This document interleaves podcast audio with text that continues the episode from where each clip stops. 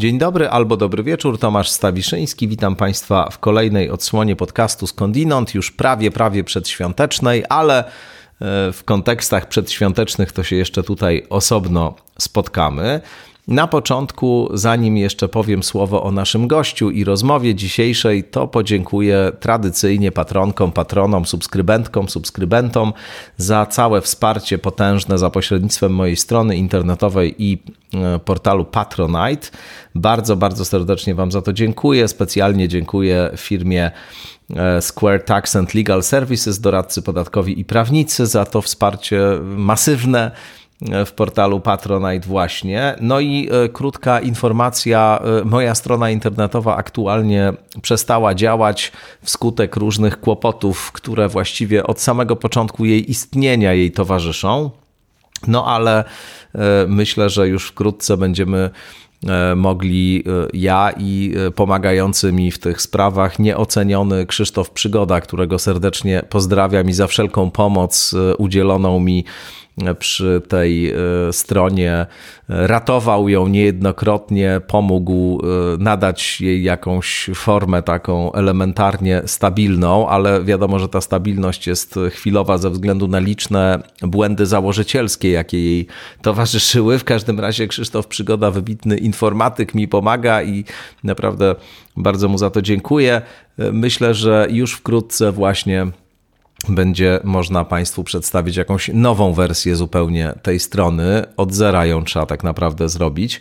E, no ale to już z pomocą Krzysztofa mam nadzieję, że się wkrótce uda. Na razie jeszcze musimy podratować e, to, co jest, a to zdaje się w wyniku jakichś działań dywersyjnych zostało poważnie mm, no, nadużyte czy nadszarpnięte. W każdym razie strona nie działa, ale e, oczywiście wszystkie subskrypcje wciąż są aktywne, dlatego Państwu za nie bardzo dziękuję. No i e, słowo tylko o tym, o czym będziemy tutaj dzisiaj rozmawiali. Bardzo się cieszę, że już drugi raz pojawia się w skądinąd dr Cezary Rzechowski, psychiatra, psychoterapeuta dzieci i młodzieży, osób dorosłych i rodzin.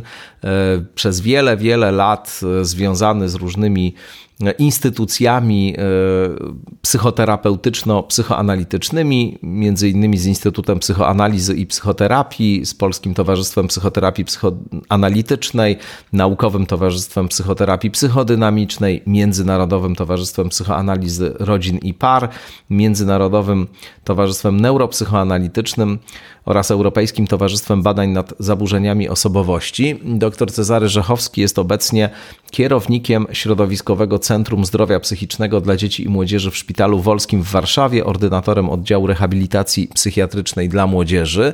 No jest y, wybitnym psychiatrą, wybitnym psychoterapeutą z wieloletnią praktyką i ogromnym doświadczeniem. No i właśnie za sprawą Cezarego Rzechowskiego ja i moja żona Cweta Dimitrowa mieliśmy okazję e, zetknąć się z niezwykle ciekawą metodą pracy stosowaną właśnie w centrum, którym kieruje dr Rzechowski, czyli z metodą otwartego dialogu. Uczestniczyliśmy kilka dni temu, mówię to w dniu 8 e, grudnia, nagrywam dla Państwa e, ten e, krótki wstęp. No więc kilka dni temu uczestniczyliśmy w konferencji zorganizowanej przez Fundację Polski Instytut Otwartego Dialogu, z którą właśnie Cezary współpracuje. No i mieliśmy okazję pomówić o tym w ogóle, czym jest dialog w psychoterapii, czy Psychoterapia to sytuacja dialogiczna par excellence, czy też może bardziej hierarchiczna niż dialogiczna. Tak czy owak pomyślałem, e, zetknąwszy się z różnymi wypowiedziami, z różnymi osobami, które właśnie otwartym dialogiem się zajmują od lat, to głównie e, psychiatrzy i psychoterapeuci pracujący w szpitalach, w takich, e, albo w takich środowiskowych centrach właśnie pomocy czy, czy zdrowia psychicznego, pomyślałem, że to jest metoda na tyle ciekawa, na tyle jakoś e, z tego, co zobaczyłem, no, działająca, efektywna i na tyle też wychodząca poza takie oczywiste modele e, które się kojarzą ze szpitalem psychiatrycznym, ze zdrowiem psychicznym, no że chciałbym tutaj bardzo Cezarego zaprosić raz jeszcze do skądinąd, żeby nam o tym otwartym dialogu opowiedział. Ale jak to bywa w tym podcaście, mieliśmy po prostu długą rozmowę o różnych sposobach myślenia o psychiatrii, psychoterapii, różnych nurtach współczesnych, dzisiejszych, ale i tych dawnych, no i też o tym, jak to bywało w PRL-u, na przykład jakie różne e, nurty rozwojowo-terapeutyczno-duchowe interesowały tych, którzy jakoś się nie odnajdywali w tej duchowej rzeczywistości tamtej epoki. To zresztą jakiś jest tutaj kontekst uruchomiony też w rozmowie z Rafałem Księżykiem. Także myślę, że bardzo to będzie dla Państwa e, ciekawe, co dr Rzechowski ma do powiedzenia. No a ten otwarty dialog też w pewnym momencie się pojawia, także o tym, jak ta praktyka otwartego dialogu wygląda.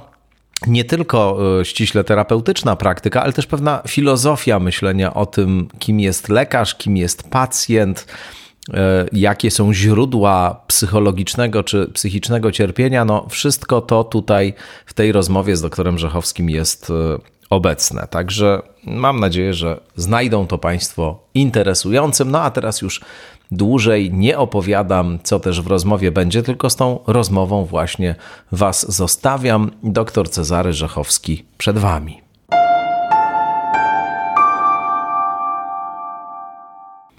Doktor Cezary Rzechowski gości w podcaście Skądinąd. Dzień dobry, Czarku. Dzień dobry, Tomku. Dzień dobry Państwu. Nie po raz pierwszy już e, się spotykamy, po raz drugi, bo kiedyś już gościłeś w Skądinąd, ale dziś pomówimy o dość niezwykłej metodzie, mam wrażenie, z którą się dzięki Tobie miałem okazję też niedawno zapoznać, metodzie otwartego dialogu. Ale zanim o tej metodzie otwartego dialogu pomówimy, to chciałbym trochę o Tobie porozmawiać. Co Ty na to? W pewnym zakresie jest to możliwe. Oczywiście w tym zakresie Twojej ścieżki zawodowej, e, ale pewnie te wątki zawodowe z jakimiś osobistymi też się e, stykają.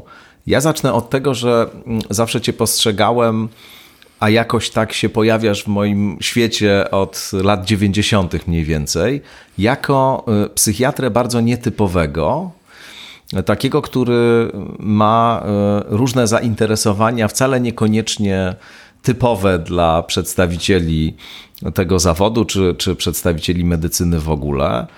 No bo ja e, pamiętam, że Twoje teksty po raz pierwszy spotkałem właśnie w latach 90. w takich czasopismach jak Albo Albo, Inspiracje Jungowskie, ale też na przykład Gnozis, pismo, którego redaktorem naczelnym był Jerzy Prokopiuk. E, I chyba bym od tego właściwie zaczął, jak te wątki medyczne w Twoim myśleniu, życiu splatały się z wątkami poetyckimi, bo też i wiersze pisywałeś w tych pismach, gnostycznymi, e, psychoanalitycznymi. Jak to właściwie się wszystko e, zaczęło łączyć w Twoim życiu? Ja jeszcze dodałbym jedno pismo, więź, yy, dlatego że yy, przez pewien czas yy, miałem taką możliwość publikowania swoich artykułów i też wierszy w więzi. To w zasadzie był mój taki debiut poetycki, to była więź. No to bardzo fajnie, bo bardzo to pismo lubię i zaprzyjaźnieni w ogóle tu jesteśmy z więzią, więc no to jak to właśnie mm, e, się pojawiło, te, e, to specyficzne połączenie, bo to mnie bardzo interesuje. Ta medycyna i te perspektywy zupełnie wydawałoby się na pierwszy rzut oka, bo, bo przypuszczam, że wcale niekoniecznie będzie tak, że e, w Twojej opowieści one będą jakoś rozłączne, ale jak to właśnie się splotło? No, ja myślę, że, że teraz rozmawiamy o takiej atmosferze hmm. lat 80 i, e, i, e, i 90. i początku lat 90. Potem zaczęło się to bardzo gwałtownie zmieniać. Mm, ja nawet na ten temat napisałem e, dramat. Hmm. Nazywa się Niedokończona rozmowa, mm, który opisuje trochę atmosferę tamtych, tamtych lat. I ja bym to spróbował w taki sposób y, syntetyczny wyrazić. jest taki tekst, wydaje mi się, że Ryszarda Kapuścińskiego, który opisuje e, rozmowy z robotnikami e, w 80 roku w stoczni. I mm, jeden z robotników wypowiada się na temat tego, co, na czym mu zależy, czego by chciał. I on mówi, że dla, niego ważny jest swobodny rozwój osobowości. E, I e, to wydaje mi się, że to rzeczywiście było coś Kwintesencja tej atmosfery. Tak, nie? to jest kwintesencja tej atmosfery. Jeżeli popatrzymy na film taki Kieślowskiego, nie pamiętam jak się nazywa, Gadające Głowy prawdopodobnie, e, to też widzimy, ludzie mówią o tych rzeczach od malutkiego dziecka do osoby, która jest w mocno podeszłym wieku mówią y, o tym, co jest dla nich najważniejsze. To warto dzisiaj ten film zobaczyć, ponieważ możemy zobaczyć, jak bardzo zmieniła się dzisiaj atmosfera. No te najważniejsze rzeczy to jest, jak stać się lepszym, e, jak e, się rozwijać, słowo rozwój było wtedy bardzo modne, jak przekraczać granice, dzisiaj raczej mówimy, jak stawiać granice i tak dalej, i tak dalej. Więc to była, to była zupełnie inna atmosfera, atmosfera, powiedziałbym, takiej nadziei, na dokonanie jakiejś wielkiej zmiany i w sobie, i w świecie zewnętrznym. Ja kiedyś napisałem taki tekst, e, który był oparty e, na analizie zdjęć z koncertów rockowych. I to były e, koncerty rockowe z lat 80. Polskie, tak? Polskie koncerty mhm. rockowe. I, mm, I później już po 2000 roku. No i tam jest te różnice, oczywiście nie chodzi o zespoły, tylko chodzi o publiczność. Różnice są ogromne. To znaczy dystans, reakcje emocjonalne, sposoby y, ubierania się, podkreślenie cech płciowych i tak dalej. Jest bardzo, bardzo, bardzo dużo. No ale widać jedną rzecz w tych zdjęciach, że tam jest taka zbiorowa halucynacja, zbiorowe przeżywanie, zbiorowa taka fantazja i, i, i, i, dużo radości, której później nie ma. Później jest więcej smutku, więcej dystansu i takie patrzenie na to, co się dzieje raczej z pewnej odległości. I wydaje mi się, że ta e, atmosfera 80. E, właśnie taka była. Ja później ten tekst prezentowałem w Amsterdamie na konferencji. On był komentowany przez to, nawet znanych analityków. Diana Diamond komentowała ten tekst i ona powiedziała, tak, tak, w tych latach jeszcze było dużo nadziei. Więc wydaje mi się, że, y, że to jest y, ten, y, ten klimat taki, który nam wszystkim towarzyszył, jakiegoś rozwoju, nadziei na lepsze, nadziei na zmianę, że gdzieś jest fajny, dobry świat, do którego my dążymy i swobodny rozwój. I, w, i na, tym, na tym podłożu rozwijało się bardzo dużo koncepcji, bardzo dużo teorii. Psychoterapia, gdybyśmy popatrzyli na psychoterapię tamtego czasu, ona nie była szczególnie nastawiona na leczenie objawów i na e, leczenie zaburzeń. Ona była skierowana na rozwój osobowości. OTIRO, Ośrodek Terapii Rozwoju Osobowości. To, to było y, w zasadzie y, połączenie koncepcja Dąbrowskiego no, przede wszystkim.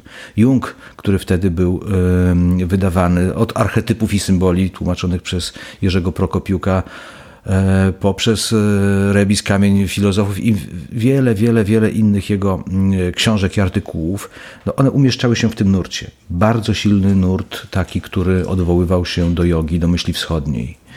E, no i gdzieś w międzyczasie ta gnoza, która do nas tutaj przenikała jako pewien no, system duchowego rozwoju. To wszystko w zasadzie było w takim jednym nurcie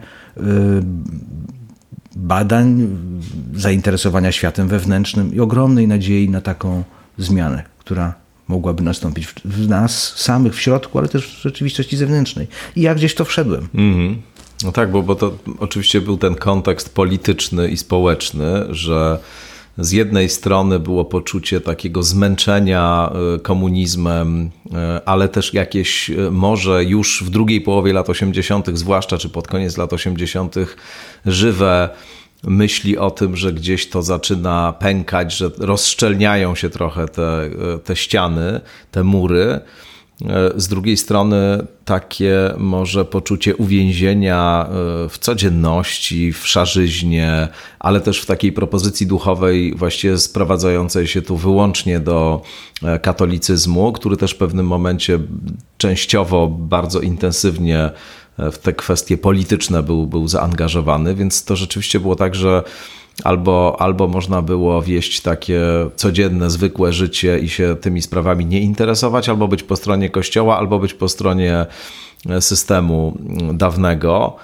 A tutaj jakieś takie dziwne, nowe prądy się przedostawały do e, opinii e, publicznej, właściwie nie do opinii publicznej, tylko do E, ludzi. Myśmy tu niedawno z Rafałem Księżykiem rozmawiali, który napisał książkę Śnialnia o mhm. pracowni e, Piasto, na Piastowskiej w Katowicach i o tym, mhm. tej mekce pierwszej polskiego buddyzmu. No i to właśnie byli tacy ludzie, którzy gdzieś szukali tak. innych dróg I, i to się bardzo wpisuje e, w to, co mówisz właśnie w to poszukiwanie, choć ty już jesteś z innego oczywiście pokolenia niż, niż oni ale, ale chyba gdzieś tam ci blisko do tego wtedy było w każdym razie. Tak, to y, ja myślę sobie, gdybyśmy popatrzyli na rozwój czy przemiany społeczne, no tak jak ja je widzę, mhm. wydaje mi się, że pod koniec lat 70. to społeczeństwo było już dosyć mocno zlaicyzowane. I, I z pewnym dystansem wobec, wobec Kościoła. To się bardzo zmieniło po wyborze papieża. Natomiast stan wojenny z mm, bojkotem telewizji i zniknięciem mhm. wielu absolutnie wspaniałych, genialnych intelektualistów i, i wspaniałych e, umysłów z tej przestrzeni publicznej, spowodował e, dwie rzeczy. Spowodował to, że ludzie szukając jakiegoś punktu odniesienia do zrozumienia siebie i e, wydobycia się z pewnej no, bardzo trudnej sytuacji społecznej, w której się znaleźliśmy, ogromnego konfliktu, ale też takiego braku, kompletnego braku nadziei, zwrócili się mm, do Kościoła i Kościół bardzo skutecznie zagospodarował umysły mm, no w zasadzie moich rówieśników do dziś. Ale była też. Może powiedzmy słuchaczom, który jesteś rocznik? 65. 65. Natomiast y, y, druga grupa osób, która też gdzieś tam łączyła wszystko ze wszystkim i tak była raz bliżej kościoła, raz była bardziej y, dalej, raz, raz, raz była bardzo pozytywnie nastawiona, prawie dewocyjnia, za chwilę odwracała się i, i już była przy buddyzmie, czy, czy, przy, czy przy jodze, czy przy hinduizmie jeszcze. To ta, to ta, ta grupa taka bardziej, y, może mniej uformowana, ale w której się bardzo dużo działo tak naprawdę, dużo różnych idei było i powstawało.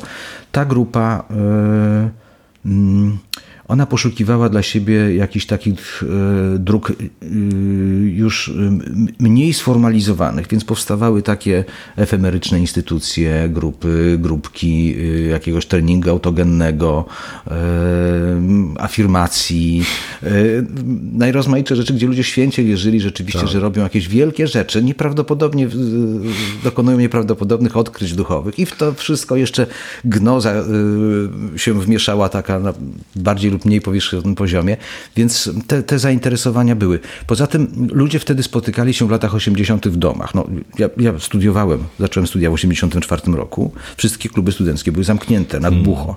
Hmm. Studiowałem medycynę, medyk był zamknięty przez całe moje studia. W zasadzie pod koniec tam już można było wejść. E, ale żeby organizować jakieś, jakieś, jakieś takie imprezy, no nie, nie, nie, nie było to możliwe. Koncerty rockowe gdzieś się odbywały, ale tak, żeby studenci mieli dostęp do czegoś, no nie, to nie było możliwe.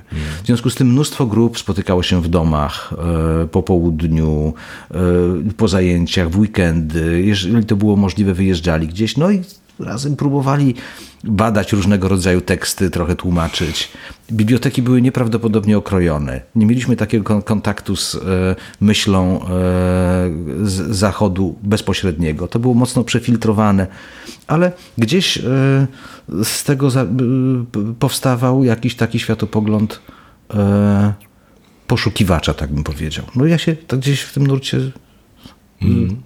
Szedłem tam z innymi. Ciągnąłem za innymi.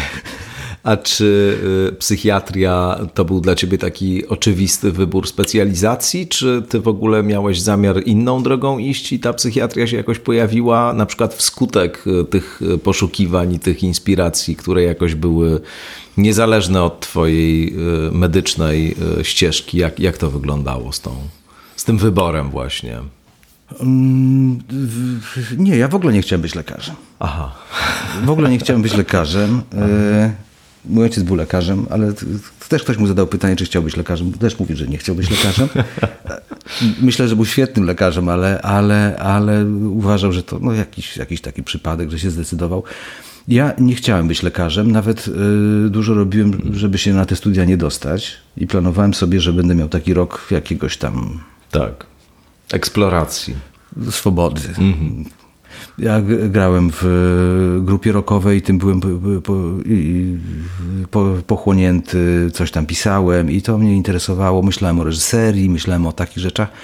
Natomiast e, no, pochodziłem z małego miasteczka e, na Mazurach, gdzie no, nie, nie, nie, był łatwy kontakt taki ze światem. To był taki trochę odizolowany świat, ale bardzo ciekawy, ponieważ tam była mieszkała nies, nie, niezwykle ciekawa inteligencja, która trafiła po wojnie i e, głównie z Wilna, ale nie tylko. I, i, I tam wśród tego młodego pokolenia fajny, ciekawy taki powstał etos e, tworzenia. Zresztą dzisiaj ci ludzie niektórzy robią bardzo ciekawe rzeczy i, i, i, i w nauce, i w, i, w, i, w, i w kulturze też. Więc, więc ja tak nie bardzo chciałem, no ale p- dałem się zaciągnąć na egzamin, który zdałem. I tak już zdałem, no to pojechałem na te studia A. e, medyczne. E, I ja to tak odbieram, że wtedy też mi się jakiś świat zawalił, tak naprawdę. Mój taki, moich przyjaciół, moich znajomych, trafiłem w nowe środowisko, tutaj próbowałem się w jakiś sposób odnaleźć. Do Warszawy trafiłeś. Tak, tak, do Warszawy. No już może nie będę opowiadał szczegółów, bo one też są ciekawe, bo są, bo są mocno osadzone w epoce. Ja po- poznałem bardzo wielu bardzo ciekawych ludzi, niektórych już nie ma dzisiaj z nami, ale, e, ale te środowiska ciągle mi się gdzieś przed oczyma przesuwają. Mówiłem najrozmaitsze głupoty, których się wstydzę. Wolałbym nie być przypomniany sobie z tych czasów i rozpoznany czasami. Myślę, że to każdy ma tak. Każdy. A no to dziękuję Ci bardzo. To, Jak ja sobie też przypomnę, co gadałem kiedyś, to wiesz. to już, to już mniej się boję. Natomiast, natomiast, yy, natomiast no to, to była ta medycyna, i, yy, która, która był, zupełnie nie wiązała się z moimi zainteresowaniami. No, uczyłem się, ale to, nie, to mnie nie interesowało. I w zasadzie te studia wspominam poza y, kilkoma wykładami profesora Ostrowskiego, profesora Krusia, absolutnie genialnymi y, wykładami y, profesora Bizonia z y, psychiatrii y, i paroma zajęciami z y, panem doktorem Guskiem na przykład, y, jungistą, z panią doktor Kostecką, wybitną psychoterapeutką zajmującą się psychozami. I jeszcze jedną osobą, której nazwiska nie pamiętam, jako no taki szaro-bury, nudny klimat tej, tej uczelni takiej stanowo-wojennej. Ja skończyłem studia w 91 roku. Więc, e, więc to jest e, taki jeden wątek. No i gdzieś tutaj e, szukałem miejsca dla siebie, cały czas myśląc, że ja z tych studiów zrezygnuję i nie pójdę dalej taką drogą. Gdzieś były we mnie raczej zainteresowania związane z kulturą i filozofią. Myślałem bardzo poważnie o studiowaniu filozofii albo o tym, żeby się przenieść na, na reżyserię, ale trochę mnie nudziła ta reżyseria filmowa, bo tam jest tyle techniki, że za dużo jak dla mnie. E, I, e, i, mm, i w końcu y, przez takie swoje no, też jakieś kryzysowe sytuacje związane z, z no, jakąś tam próbami, próbami też uczestniczenia w jakiejś takiej trochę podziemnej działalności. Ja byłem beznadziejnym konspiratorem, to się szybko skończyło, bo mówiłem nazwiska i, i z tego mogły być różne później nieprzyjemności.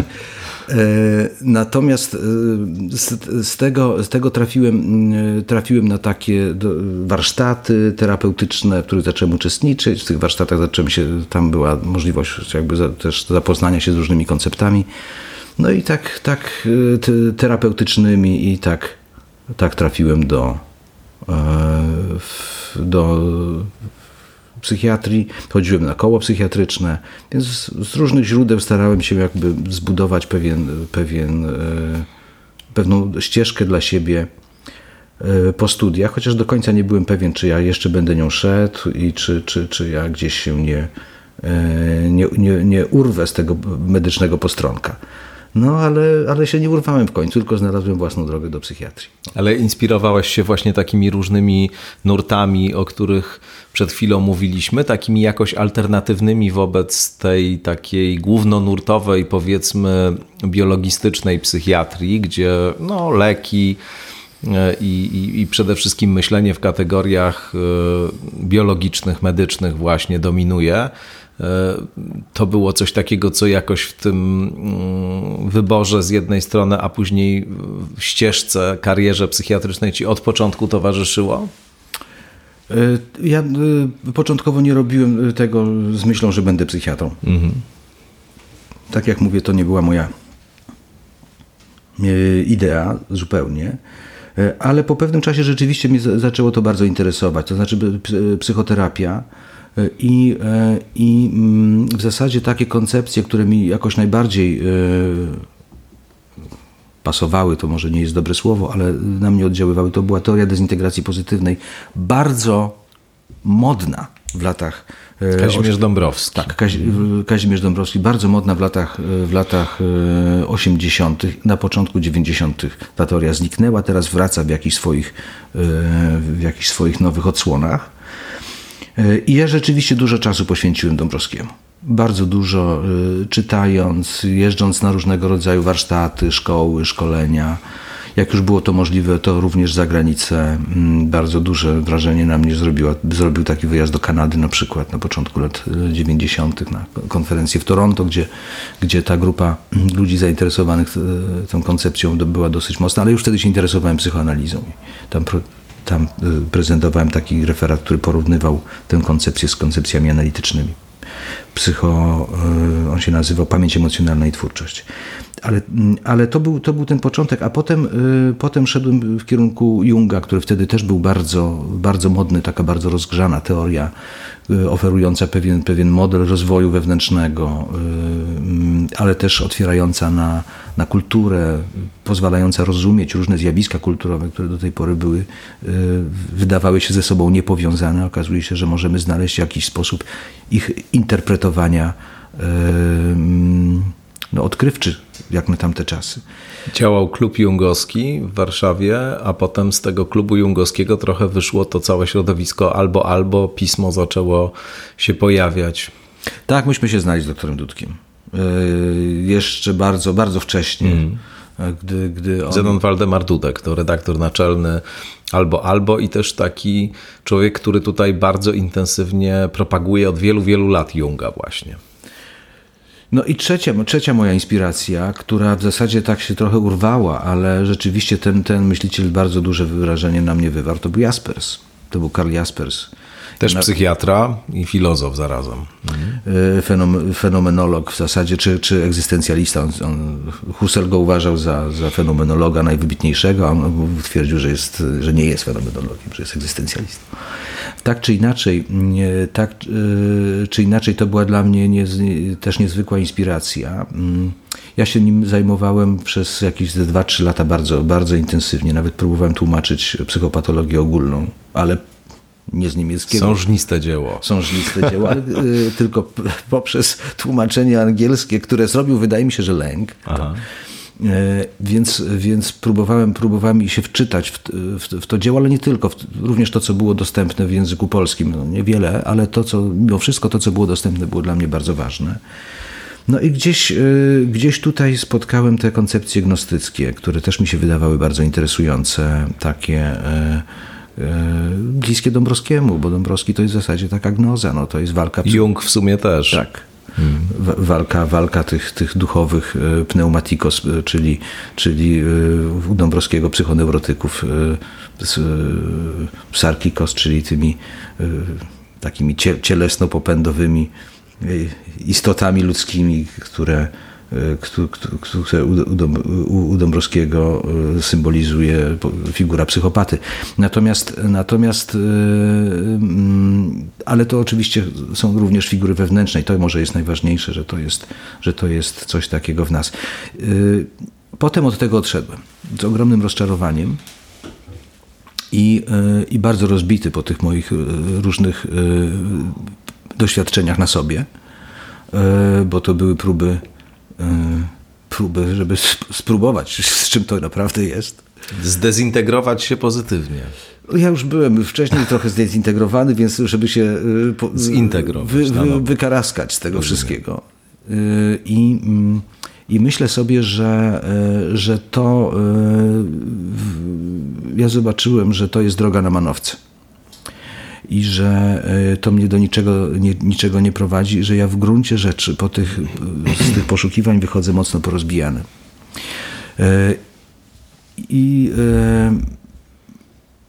idąc dalej, to co zaczęło moją uwagę jakoś przekuwać, to jednak teksty Freuda, które wydawały mi się bardzo odkrywcze, bo one włączają odważnie taki obszar funkcjonowania człowieka, którego nie chcielibyśmy widzieć. Zawsze chcielibyśmy widzieć taką wizję idealną, bardziej, którą proponuje nam Dąbrowski drogę. A Freud ściąga nas na ziemię i mówi: Słuchaj, tu jest, wiesz, masz dużo do roboty. E, I e, no, głównym problemem jest, e, są, są popędy i popędowe i ich losy, tak moglibyśmy powiedzieć, tak jak, tak jak brzmi tytuł jego książki. E, a więc e, agresja, e, seksualność, trauma. To są takie rzeczy, on bezpośrednio o traumie nie mówił, ale w gruncie rzeczy cały czas się obracał tego, wokół tego tematu, więc to, to, to rzeczywiście zajęło, bardzo mnie zastanowiło, bo mi pokazało coś takiego, że jest taka sfera, którą można badać, a trudno do niej znaleźć dostęp. I w ten sposób związałem się z, z psychoanalizą, którą przeszedłem. Ja miałem swój trening, y, który trwał 6,5 roku, był dosyć intensywny, cztery razy w tygodniu, prawdziwa psychoanaliza u prawdziwej psychoanalityczki, która mi dała ogromnie dużo. Mm. Ja ten okres w życiu wspominam wspaniale. To znaczy, y, przestałem y, się tak strasznie y, denerwować i być w takim lęku, napięciu wewnętrznym E, dało mi to ogromne poczucie bezpieczeństwa, e, pewnej swobody badania swoich myśli, razem z drugą osobą, która mi towarzyszy i nie narzuca mi niczego. Jednocześnie mm, e,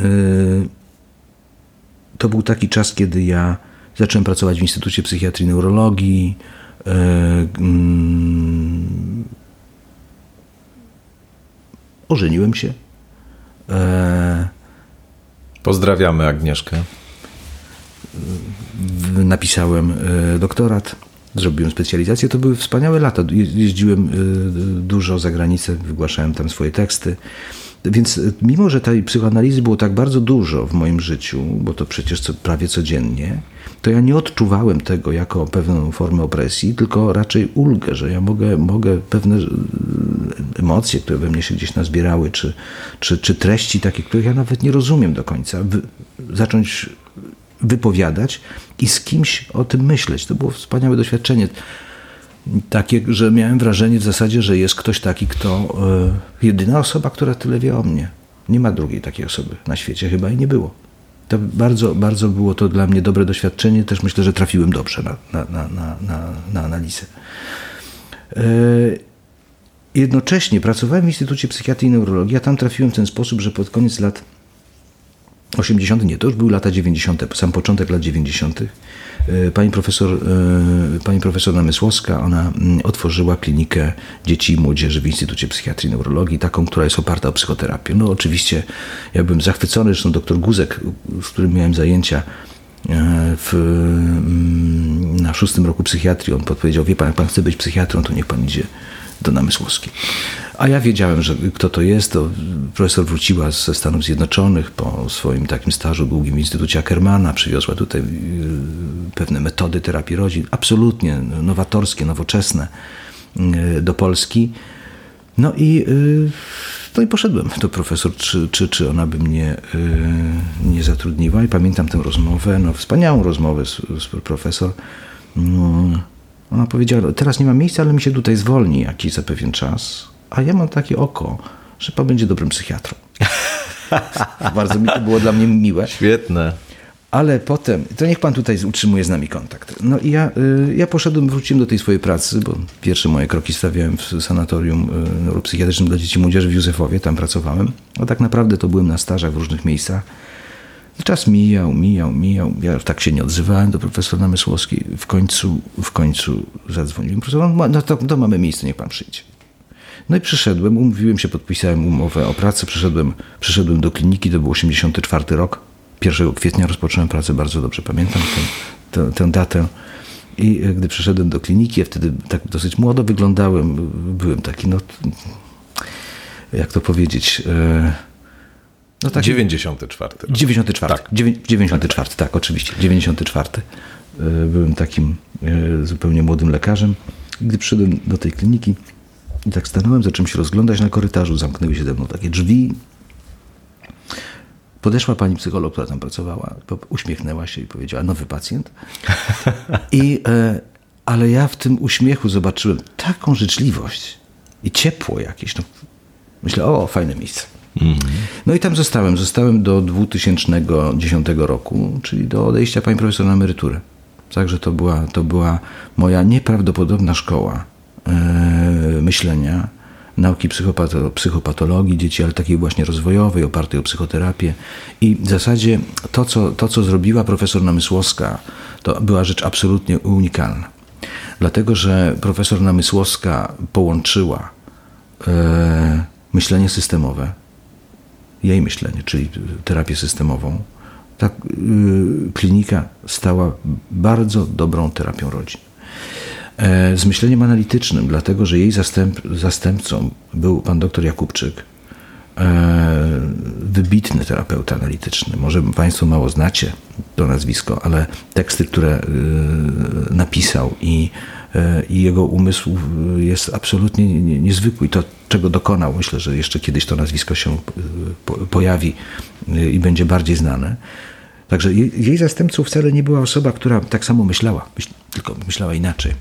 To, był, to, to też był... jest dowód na powiedziałbym, rangę osobowości, tak. że można mieć blisko siebie jako właśnie zastępcę kogoś, kto wcale nie jest tylko zwierciadlanym odbiciem i nie stara się E, myśleć i, i e, dokładnie to samo robić, tylko właśnie jest kimś, kto ma swoje przekonania. To, to nie jest takie częste wcale. Nie, to, to, to, nie, to absolutnie nie, nie jest częste i tutaj rzeczywiście te różnice były. To nie, nie, wcale nie dążyliśmy do zamazywania różnic. Odwrotnie, te różnice się bardzo wyraźnie pojawiały, a ponieważ ja byłem w tym nurcie analitycznym, więc byłem jakoś yy, yy, dobrze się bardzo dogadywałem z panem, z panem doktorem yy, Jakubczykiem, ale też trzeba było budować mosty z terapeutami rodzinnymi, tam było dużo terapii grupowej, terapii indywidualnej, no, różnymi rzeczami się zajmowaliśmy. I, I oczywiście rzetelna, kliniczna praca, rzetelna taka nauka psychopatologiczna, psychiatria, która, która y, ma mocne podstawy kliniczne. Te, te trzy rzeczy próbowaliśmy jakoś integrować e, ze sobą, e, ale nie mm, bez zacierania granic. I e, no to był wspaniały czas pracy. Te lata oczywiście były różne, różne momenty, różne chwile, ale wtedy powstawało bardzo dużo tekstów, bardzo wielu stażystów było w klinice to, to był bardzo, bardzo, bardzo dobry, bardzo intensywny dla mnie y, rozwój i to mnie w jakiś sposób kształtowało. Ja, będąc w klinice, nie zgadzałem się z podstawową koncepcją mojej szefowej, że podstawą jest terapia systemowa i, y, i, terapia rodzin. Uważałem, że podstawą jest y, jednak kontakt indywidualny. Mm. No ale to, to, to, to, to w zasadzie, co powiedziała profesor Namysłowska, co, co myślała, okazało się, że to, to jest taki koan dla mnie, który, który ja muszę rozwiązać. I dzisiaj, gdy już zbliżam się do 60, to ja w zasadzie zaczynam podzielać poglądy pani profesor Namysłowskiej, które słyszałem już pierwszego dnia Bardzo ciekawe. w Klinice Aha. w 1994 roku, 1 kwietnia. Bardzo ciekawe. E, powiedz, czy to jakoś, e, mówię o tych inspiracjach psychoanalitycznych, jungowskich, freudowskich, E, to były takie rzeczy, które starałeś się właśnie w swojej praktyce psychiatrycznej, terapeutycznej stosować, sprawdzałeś jak to wygląda, jak te twoje no właśnie z psychoanalizą związki bardziej ścisłe, już nie od strony samego analizowanego, tylko analityka, tylko kogoś, kto to wdraża w życie, e, wyglądały. Ja miałem I tak... rozumiem, że mhm. raczej e, Freud, a e, nie Jung potem zaczął cię interesować, tak? Że ten Jung był jakoś na początku, ale później gdzieś jednak w stronę bardziej tej tradycji freudowskiej poszedłeś. Tak. Yy, tak, to, to, to, to, to nie wynikało z, z, z niczego. Ja może powiem, mhm. dlaczego tak się stało, yy, ale. Yy, ale zanim do tego dojdę, to, to y, jednak o tej psychoanalizie chciałem powiedzieć, bo to, bo, bo, bo to moje doświadczenie psychoanalityczne też było, było złożone. Mm, ja skończyłem swoje szkolenie w Instytucie Psychoanalizy i Psychoterapii, e, które e, prowadzi pani Katarzyna Walewska. My w psychoanalizie mamy kilka nurtów. Jest jeden nurt brytyjski, który jest bardzo taki kleinowski, no, w dużym stopniu zdominowany przez teorię Melanie Klein. Tam jest też szkoła taka niezależna, Winnicota i, i innych ale to jest dominujący nurt, który e, głównie e, koncentruje się na, takich, na badaniu takiej dyspozycji człowieka strasznej dosyć, mianowicie do, do, do, do zawiści, e, która, e, która no jest przyczyną e, cierpień, do, tak, do fantazji, które człowiek tworzy, zamyka się w tym świecie fantazji, odgradza od drugiego człowieka i, i w zasadzie ta, ta, ta metoda polega gdzieś na zdekonstruowaniu tego, tej takiej tej takiej obrony a, i możliwości przejścia do innej pozycji, tak zwanej depresyjnej, gdzie my się sobie zaczynamy uświadamiać e, no, naszą pewną zawodność i też naszą własną destrukcyjność, e, co nas otwiera na drugiego człowieka. To mniej więcej tak, tak, to jest nurt brytyjski. Natomiast ja się kształciłem w takim nurcie bardziej francuskim, który jest bardziej eklektyczny, E, który e, analitycy, analitycy francuscy więcej bym powiedział mówią o tej jasnej stronie człowieka. Dla mnie, w moim odczuciu, jest to bardziej zrównoważony obraz, bo jest i ta ciemna strona człowieka, ale jest ta jasna strona człowieka również. Mówią o tym narcyzmie życia i narcyzmie śmierci, że ten narcyzm życia też jest bardzo potrzebny do, do tego, żebyśmy, żebyśmy istnieli więcej korzystając z Winnicota, z Anzier i tak dalej. I to, taki był charakter tej szkoły. To owocowało y, taką wolnościowością i, e, i pewną e, mm, niechęcią do takiego zesztywnienia w jakichś strukturach, czy myślenia, czy też strukturach za bardzo formalnych. Cały czas jest to w Instytucie e, Psychoanalizy, że tam jest dużo swobody, dużo wolności, trochę chaosu, troszkę anarchii w tym wszystkim się pojawia, ale jeżeli chodzi o taką rzetelność myślenia i, i swobodę zwłaszcza myślenia, to tam jest naprawdę duża. Ja to od pani Katarzyny Walewskiej gdzieś w tym, w tym, w tym nurcie mm, zyskałem. Nie mówię, że w innych instytucjach tego nie ma, ale ja tak to widzę, no, tak, to, tak to odczuwałem i tak to odczuwam. I y, tam zacząłem się kształcić. No i y, w zasadzie trzy osoby, ja miałem trójkę takich superwizorów, którzy zbudowali moje myślenie. To jest jedna, to jest osoba, to jest doktor Jakubczyk, z którym pracowałem mm, lat y, kilkanaście w e, Instytucie Psychiatrii e, i, e, i doktor był moim szefem, ale jednocześnie super pomagał mi z pacjentami, superwizując niektóre, niektóre procesy terapeutyczne. No, oczywiście to mi dało bardzo dużo. Mm, to jest taka dziwna superwizja, ponieważ mm, jest taką, taka superwizja, że ona ma kilka takich wymiarów. Ja pamiętam, że przychodziłem czasami strasznie napięty z, i pełen niepokoju, pełen lęku, z jakimiś bardzo trudnymi rzeczami. I pierwsze to, co czułem, jak siadałem w tym gabinecie u doktora, to to, że mi się rozluźniają mięśnie i że, i że ja mogę swobodnie się poczuć. To zupełnie niezwykłe, niezwykłe doświadczenie, czyli gdzieś takie poza poza, pozawerbalne tak naprawdę. A potem pojawi, pojawiała się przestrzeń do bardzo swobodnej wymiany, która nie trwała jakoś długo. To nie były jakieś bardzo długie, sążniste wypowiedzi, ale to mi dawało, dawało bardzo dużo. E, I e, cały czas to jest jakimś fundamentem mojego myślenia. Druga osoba to, to był pan doktor Michel Vincent z Paryża, który kierował e, w centrum Alfreda Bineta takim e, zespołem, czy częścią Centrum Alfreda Bineta mm, poświęconą, czy zajmującą się dziećmi, młodzieżą i rodziną. I to, i to była no, nieprawdopodobna nauka, dlatego że uczestniczyłem w jego seminariach, a także on superwizował moją pracę.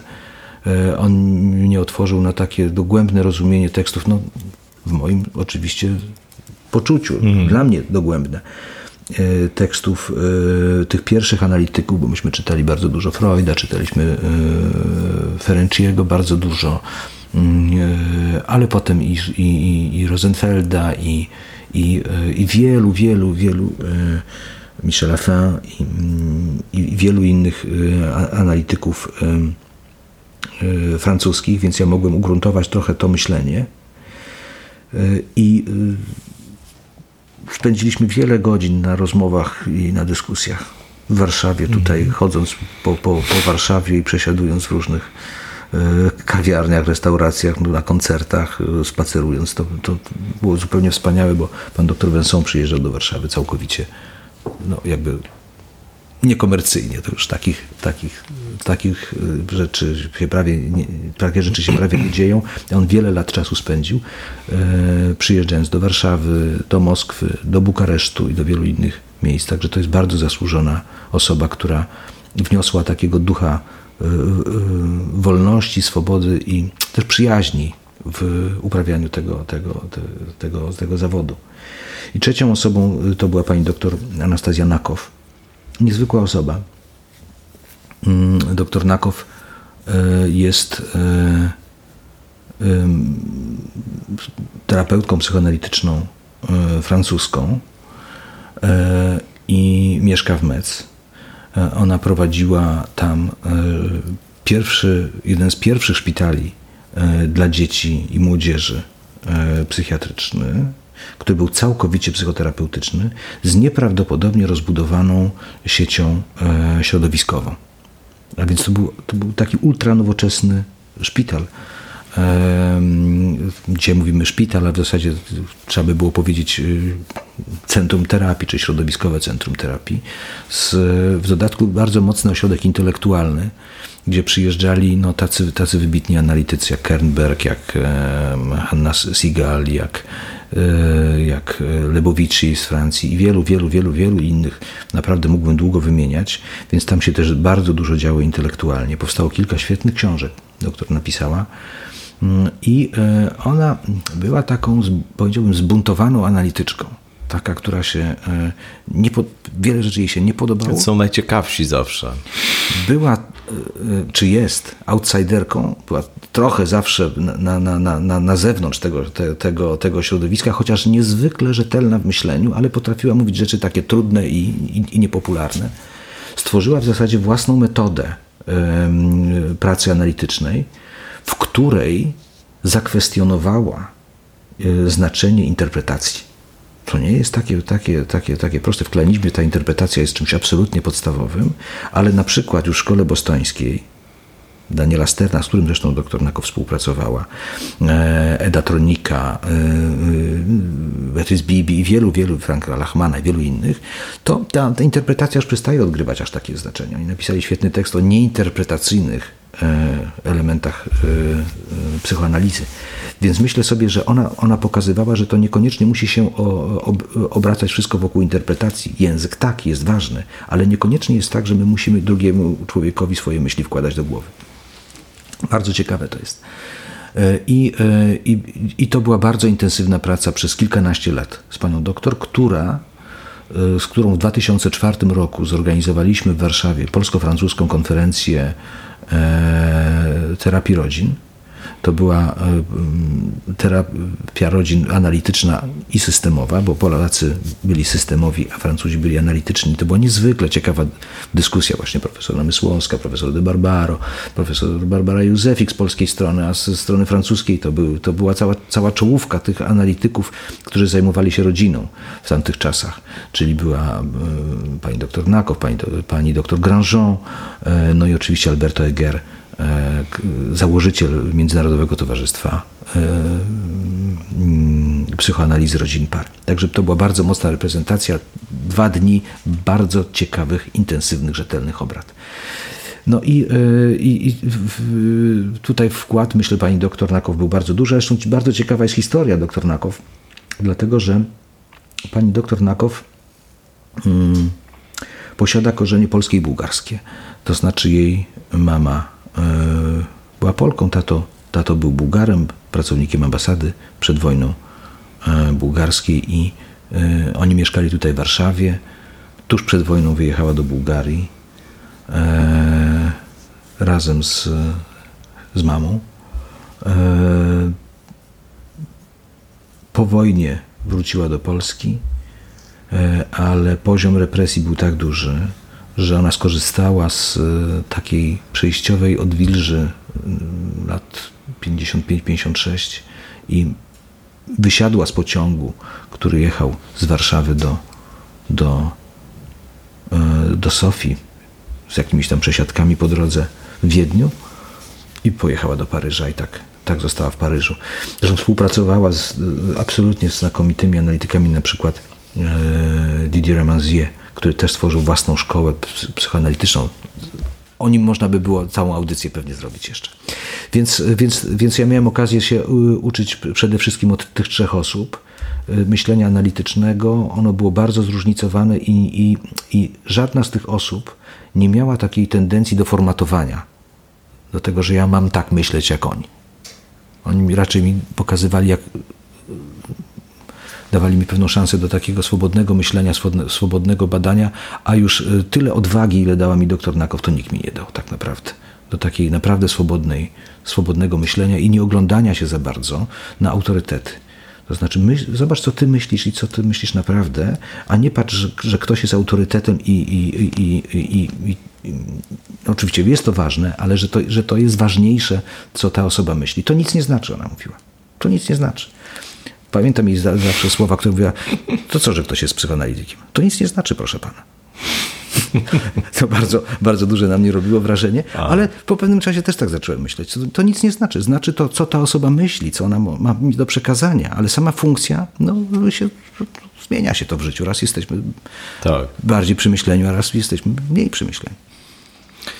Bardzo ciekawa jest ta opowieść i też wydaje mi się, że ta... Yy odwaga myślenia samodzielnego i takiego przekraczającego różne y, właśnie kolejne schematy to jest coś niezwykle ważnego i, i myślę, że też y, to nas jakoś powoli też będzie prowadziło do mm, tej metody otwartego dialogu i tego, czym teraz się jakoś też y, zajmujesz, co włączyłeś jakoś do swojej praktyki czy, czy działalności już jako dyrektor, kierownik, ordynator czyli ktoś, kto właściwie za, zarządza pewnym, pewnym e, e, systemem i, i, jest odpowiedzialny za pracę zespołu, za funkcjonowanie, funkcjonowanie ośrodka.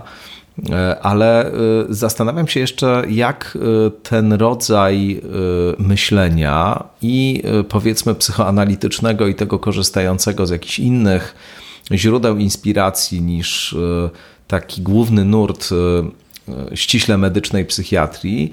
Jak ty to widzisz e, w kontekście w ogóle funkcjonowania polskiej psychiatrii dzisiaj i kiedyś? No bo my tutaj mieliśmy w Polsce chyba taką silną, jeśli można powiedzieć, reprezentację takich właśnie lekarzy, psychiatrów, którzy akcentowali ten wymiar y, psychologiczny, egzystencjalny. No, nie pojawił się tu jeszcze Antoni Kępiński w tej, w tej rozmowie, ale on jest przecież taką postacią i, i ta psychoanaliza też jakoś w Polsce się e, mniej lub bardziej intensywnie rozwijała. Niedawno zmarł Zbigniew Sokolik, taki nestor, jeśli można powiedzieć, e, polskiej psychoanalizy. Ja mam e, to szczęście, że jeszcze go miałem okazję poznać, bo bywał regularnym gościem przez lata na seminariach u Zofii Rosińskiej w Instytucie Filozofii.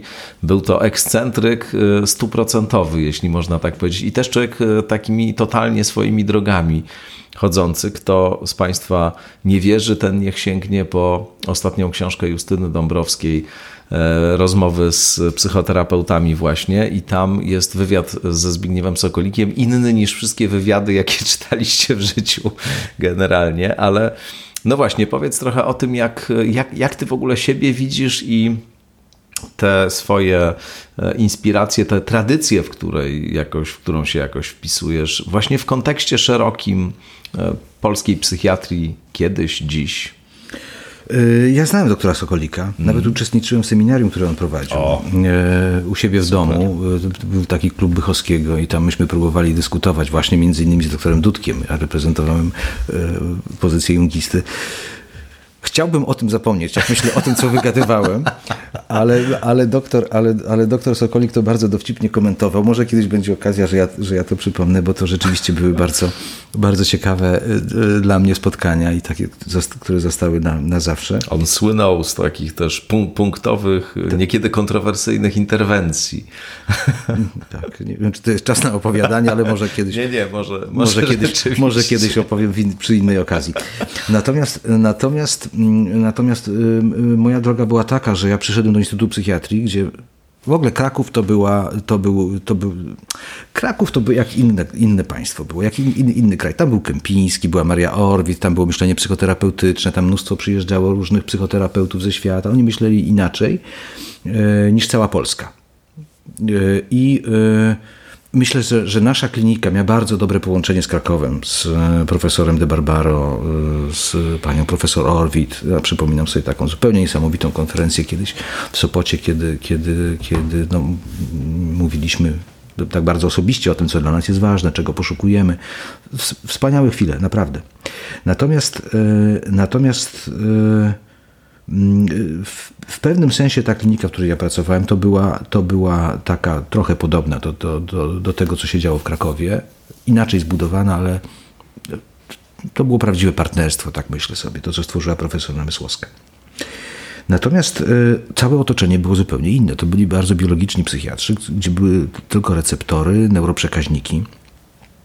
I taka, poza naprawdę niewieloma wyjątkami, taka, taka y, no bardzo, bardzo biologiczna psychiatria. Oczywiście było to doświadczenie Kazimierza Jankowskiego, który w klinice Nowowiejskiej, gdzie mnóstwo ludzi zostało jednak z tym takim żywym doświadczeniem kontaktu z drugim człowiekiem i ten etos ciągle trwał, jak przyszedłem do pracy właśnie w klinice profesora Bizonia.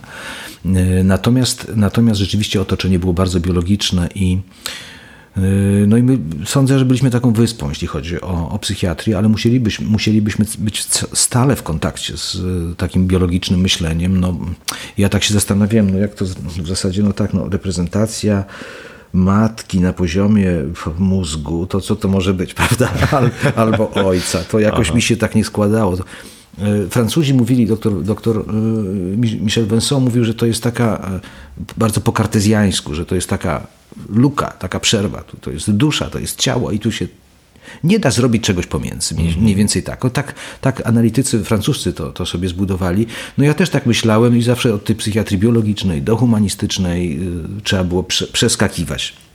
I nagle jest rok 2000, a w zasadzie 1999 pokazuje się tekst w American Journal of Psychiatry. Ja pamiętam, jak poszedłem do biblioteki w instytucie, biorę nowy numer, jest taki tekst Erika Kandela, Nowe ramy psychiatrii. Jako taki wstępniak. E, I e, czytam, i on pisze tam coś takiego, a już wtedy miałem swój trening analityczny mocno zaawansowany, że w zasadzie, a Kandel to przecież jest wybitny neurobiolog i psychiatra, laureat Nagrody Nobla. On stworzył pewien model lęku w oparciu o analizę układów neuronalnych y, ślimaków. Jest, jest taka książka jego, y, która się niedawno ukazała, tak. Zaburzony umysł tak się nazywa tak. i to jest rzeczywiście takie podsumowanie tego jego myślenia, bardzo tak. mocno zakorzenione też w neuronauce, bardzo ciekawa książka.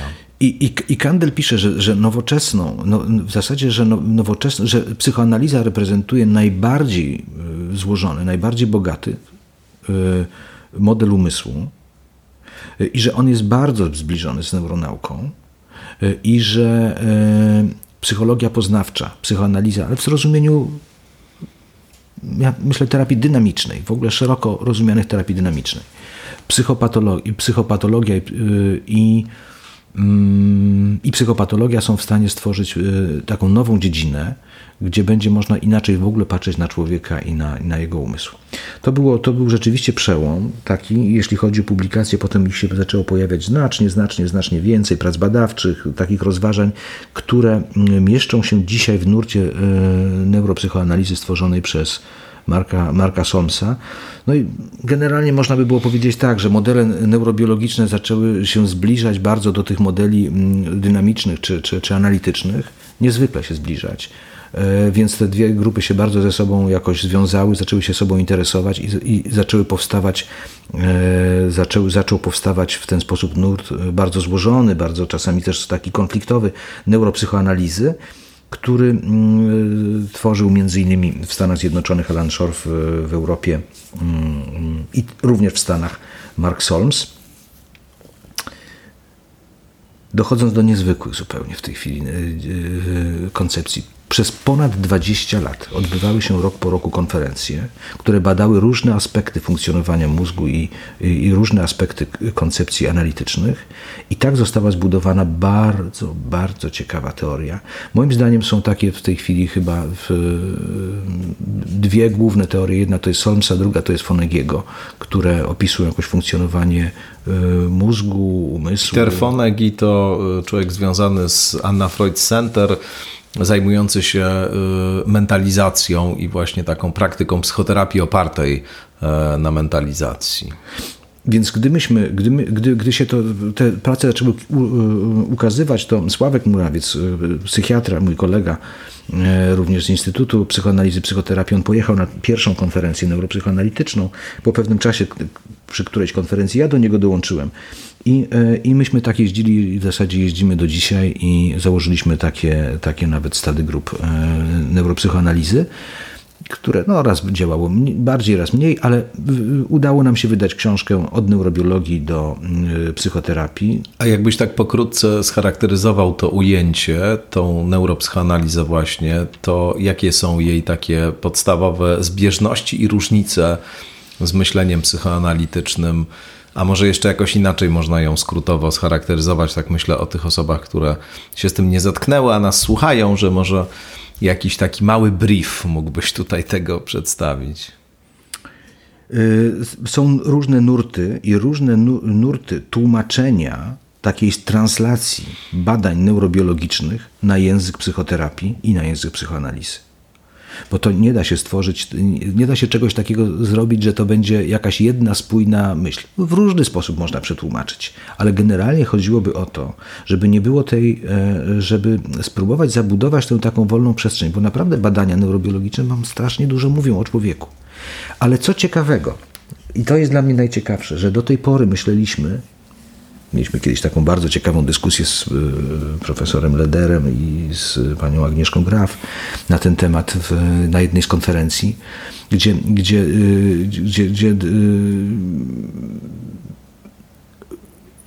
gdzie padło takie stwierdzenie, że, że psychoanaliza, że przepraszam, że biologia ma taką taką e, skłonność, czy my mamy taką skłonność do używania biologii jako pewnej sankcji, to znaczy, jeżeli coś jest usankcjonowanie biologiczne, to znaczy, że tak jest. Mhm. I taka jest przeszłość.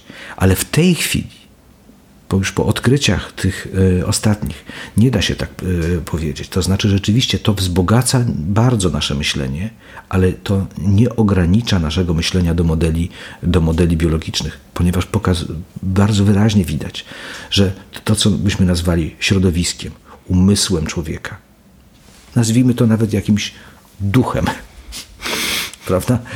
Jakimś, mm. jakąś duchowością, czy jakimś, jakąś, jakimś myśleniem, e, umysłem może w ten sposób. Że to bardzo silnie kształtuje e, czynniki biologiczne. To bardzo, bardzo silnie wpływa na, na czynniki biologiczne. To nie jest tak, że wszystko wytwarzają geny i biologia. Odwrotnie.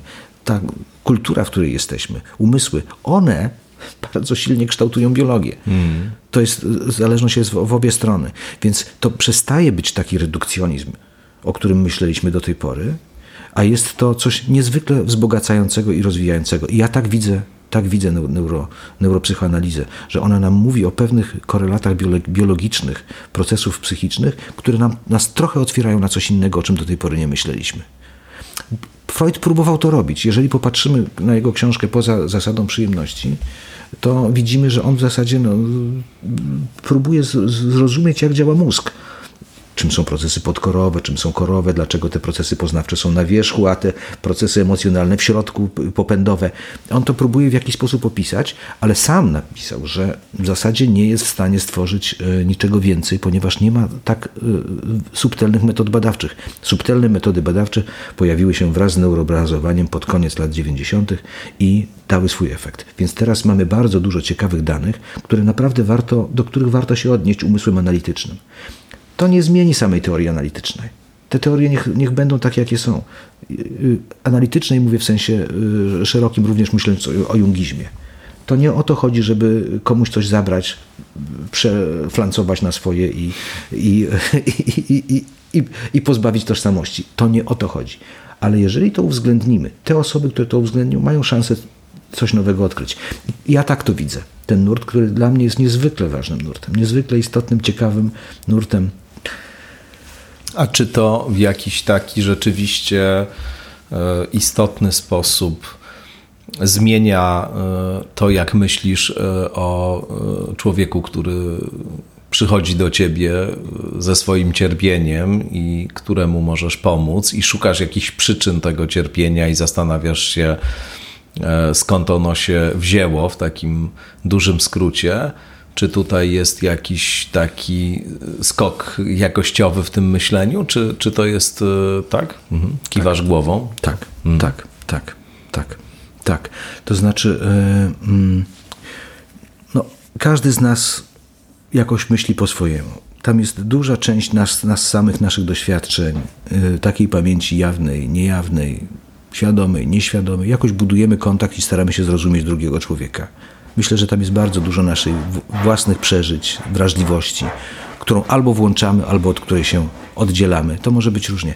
A te wszystkie systemy, które nam to trochę tłumaczą, one są w stanie albo nas y, przy jakimś modelu zatrzymać, albo odwrotnie. Nam ten model trochę e, relatywizować i pomagać sobie radzić z takimi sytuacjami, które wychodzą poza ten model, który mamy w głowie. Ja tak widzę y, między innymi neuro, neuropsychoanalizę. To jest długa opowieść, żeby mógł wytłumaczyć, czemu tak sądzę, ale, ale, ale, ale tak to widzę. Neuropsychoanaliza jest dla mnie bardzo ciekawym sposobem myślenia o człowieku, ale musiałbym to uzasadnić, a nie dam rady teraz tego zrobić bez wejścia głębiej w tą ma ma maszynerię całego, całego tego myślenia. To mi dało bardzo, bardzo dużo i ja to, tego, naprawdę niezwykle to cenię. Tu jest dużo takich dyskusji teraz wokół e, kwestii e, psychodelików w psychiatrii. Ja niedawno czytałem, znaczy niedawno, już ładnych parę lat temu, książkę Michaela Polana o tym, jak zmienić swój umysł, How to Change Your Mind. To taka słynna książka autora który jest profesorem Harvardu, y, ale literaturoznawcą, y, który postanowił jakoś ten świat doświadczeń psychodelicznych y, eksplorować. Sam ileś takich sesji psychodelicznych przeszedł, no ale też rozmawia z różnymi psychiatrami, którzy dzisiaj się tym zajmują. Ja nie chcę teraz o psychodelikach rozmawiać, bo to nie jest temat naszej rozmowy, tylko chcę zacytować taką opinię, która tam się pojawia w tej książce i właśnie z ust tych psychiatrów, którzy dzisiaj eksplorują ten świat psychodelików, ona się pojawia wielokrotnie. No taką, że mają poczucie, że psychiatria jest w jakimś takim martwym trochę punkcie, że to jest taka dziedzina medycyny, która E, no w jakiś sposób w odniesieniu do różnych innych e, dziedzin, które bardzo intensywny taki, taki rozwój, e, na przykład w drugiej połowie XX wieku, zarejestrowały, no to to jest taka dziedzina, która właśnie poza tym, tą rewolucją tych leków SSRI, to tak na dobrą sprawę nie poszła jakoś za bardzo do przodu. No i tam jest przede wszystkim taki argument, no i na to wszystko mają być te psychodeliki właśnie odpowiedzią, że o ile w większości innych specjalizacji medycznych widać w statystykach spadek y, albo lepszą lepszą podatność na terapię albo spadek zachorowań, no to w psychiatrii jeśli chodzi o stan społeczeństwa, zaburzeń i różnych innych parametrów, jest tylko coraz gorzej. I zastanawiam się, jak w ogóle ty z tej perspektywy swojej na to patrzysz, no bo to jest taka perspektywa właśnie psychiatrów, y, którzy się zajmują wyłącznie tą stroną biologiczną, ci, którzy tam się wypowiadają. E, a jak ty patrzysz na to od strony no, kogoś, kto właśnie ma tę perspektywę, na ten przyrost ogromny i e, tego typu problemów, na to, gdzie jest dzisiaj psychiatria? Czy uważasz, że psychiatria potrzebuje tych wszystkich właśnie nurtów, o których teraz rozmawiamy, ta biologiczna, żeby jakoś e, poszerzyć pole i możliwości swojego działania? Czy, czy, czy jak? jak? Jak w ogóle to widzisz w tym, w tym kontekście? Ja będę mówił teraz o intuicjach swoich. Dobrze. I proszę tego nie traktować, że tak, że ja myślę do końca, że tak jest, tylko będę mówił o pewnych swoich pomysłach. E, pierwsza rzecz, która mi się kojarzy, to jest Lem. Mhm. Lem y, opisywał y, ewolucję komputerów, jak ta ewolucja komputerów będzie wyglądała, może wyglądać. I on y, opisywał coś takiego, że, że jak będą te bardziej złożone komputery, bardziej, bardziej rozbudowane, to one się trochę będą psuły będą, i będą cierpiały na taką nerwicę ponieważ one nie będą jeszcze dobrze, e, e, tak dobrze wyregulowane, ale że ta nerwica byłaby e, jakby elementem rozwoju, to znaczy czymś takim, co jest absolutnie nie, nie, nie, nie, nieodzowne i co, i, co, i czego nie można uniknąć. Te nerwicowane komputery bardzo zrobiły duże wrażenie. To, to, jest, to jest pierwsza rzecz, więc ja myślę sobie tak, że niekoniecznie wszystko musi oznaczać, że idzie wszystko w dół, tylko być może jest tak, że jeżeli naprawdę zaczynamy tworzyć bardziej złożone e, sposoby funkcjonowania, na przykład społecznego, mhm. to wtedy będziemy mieli e, do czynienia z e, taką fazą no, chyba nieuniknioną, e, takiego rozprzężenia takiego, mm. takiego, takiej, no nie, chciał, nie chcę używać słowa dezintegracja, bo to nie chodzi o dezintegrację pozytywną, ale takiego, takiego troszkę, troszkę, yy, troszkę gorszego funkcjonowania. Więc to mi się wydaje y, y, po, ważne. Po, i, sądzę, że, my, że jeżeli popatrzymy na funkcjonowanie umysłów, to faktycznie my się przestawiamy na trochę inne funkcjonowanie. Zdecydowanie. W, w sposób globalny, y, gdzie trochę inne więzi zaczynają nas łączyć.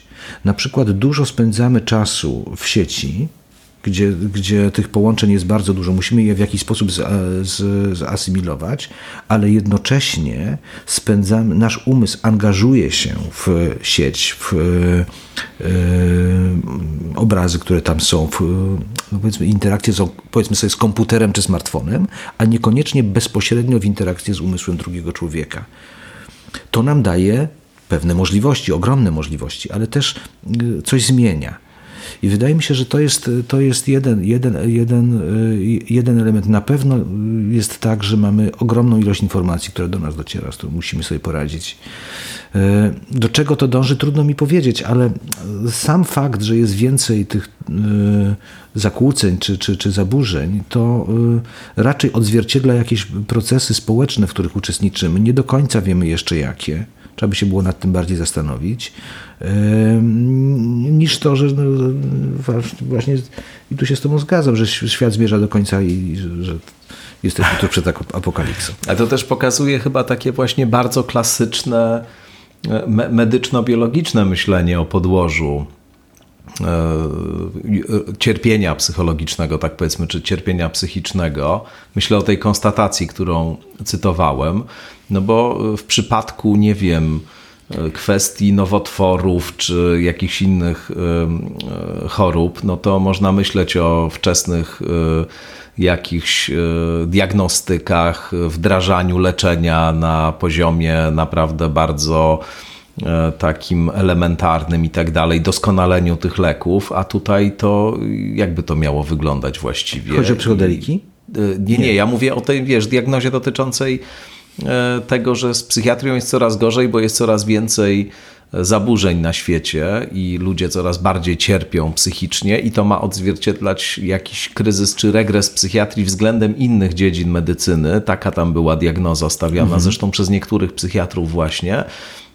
No i ja, ja miałem taką myśl, że w tym się, jak sądzę, odzwierciedla takie myślenie o cierpieniu psychicznym właśnie bardzo takie medyczno-biologiczne, że to jest coś tak, takiego samego jak schorzenie e, organiczne. Tak, tak. Można to na wczesnym etapie poprzez jakąś diagnostykę wykryć, wdrożyć e, leczenie przy pomocy jakichś leków, no i wtedy w ramach tej profilaktyki powinna być statystyczna poprawa w populacji, a to przecież no, zupełnie się chyba nie da w ten sposób, w tym sposobie z kolei ujmowania tej sprawy, jaki ty prezentujesz, Y, myśleć o, o, tego typu zjawiskach. Przed chwilą to powiedziałeś, że jak, nie, jak wyłączymy ten element kultury, zmian politycznych, społecznych, technologii, nie wiem, tego jak więzi wyglądają, no to właściwie nie zrozumiemy tego, co się dzieje. Ależ oczywiście, że tak. Z tym się, z tym się całkowicie zgadzam. Jest taki bardzo ciekawy list Ferenciego, bodajże do Freuda, jeśli się nie mylę, y, gdzie on, y, gdzie on opisuje szpitale psychiatryczne w Niemczech i, i ja nie pamiętam, czy, czy, czy, czy, czy, czy w Austrii, czy we Włoszech, ale dostrzega ogromne różnice i widzi, jak, jak e, wielki jest e, wpływ czynników kulturowych na coś, co byśmy nazywali symptomatologią czy, czy, czy psychopatologią. Tu jest tak, a tam jest zupełnie inaczej. On, I on, mm, on próbuje to zrozumieć, dlaczego jest inaczej. To jest kilka zdań, ale, ale bardzo poruszających ja już na przestrzeni swojego życia widzę, że pewne zaburzenia, y, czy pewne objawy, czy zespoły zanikają. Aha. Pojawiają się inne, pojawiają się nowe. Absolutnie było to nie do, nie do przewidzenia 20 lat temu, z czym będziemy mieli do, do czynienia dzisiaj. Byłem niedawno na w sobotę na wspaniałym wykładzie profesora Namysłowskiej, która pokazała, jak się ogromnie zmieniła y, na przykład definicja rodziny więc myślę sobie, że rzeczywiście zmiany kulturowe są ogromne i one wywierają e, ogromny wpływ na to, co my nazywamy e, symptomatologią. I ograniczenie tego do jakichś procesów biologicznych, takich, to nam bardzo redukuje sposób w ogóle myślenia, odczuwania. I, ale jeszcze jedna rzecz. Mhm. To jest coś takiego, co ja dosyć często powtarzam i, i być może to myśmy na, chyba na pewno, czy prawie na pewno o tym rozmawiali. E, mm, to jest, to jest e, ta, ta, ta niezwykła zupełnie dyskusja, którą słuchałem między Peterem Fonegi a, a e, Simonem Baronem Cohenem.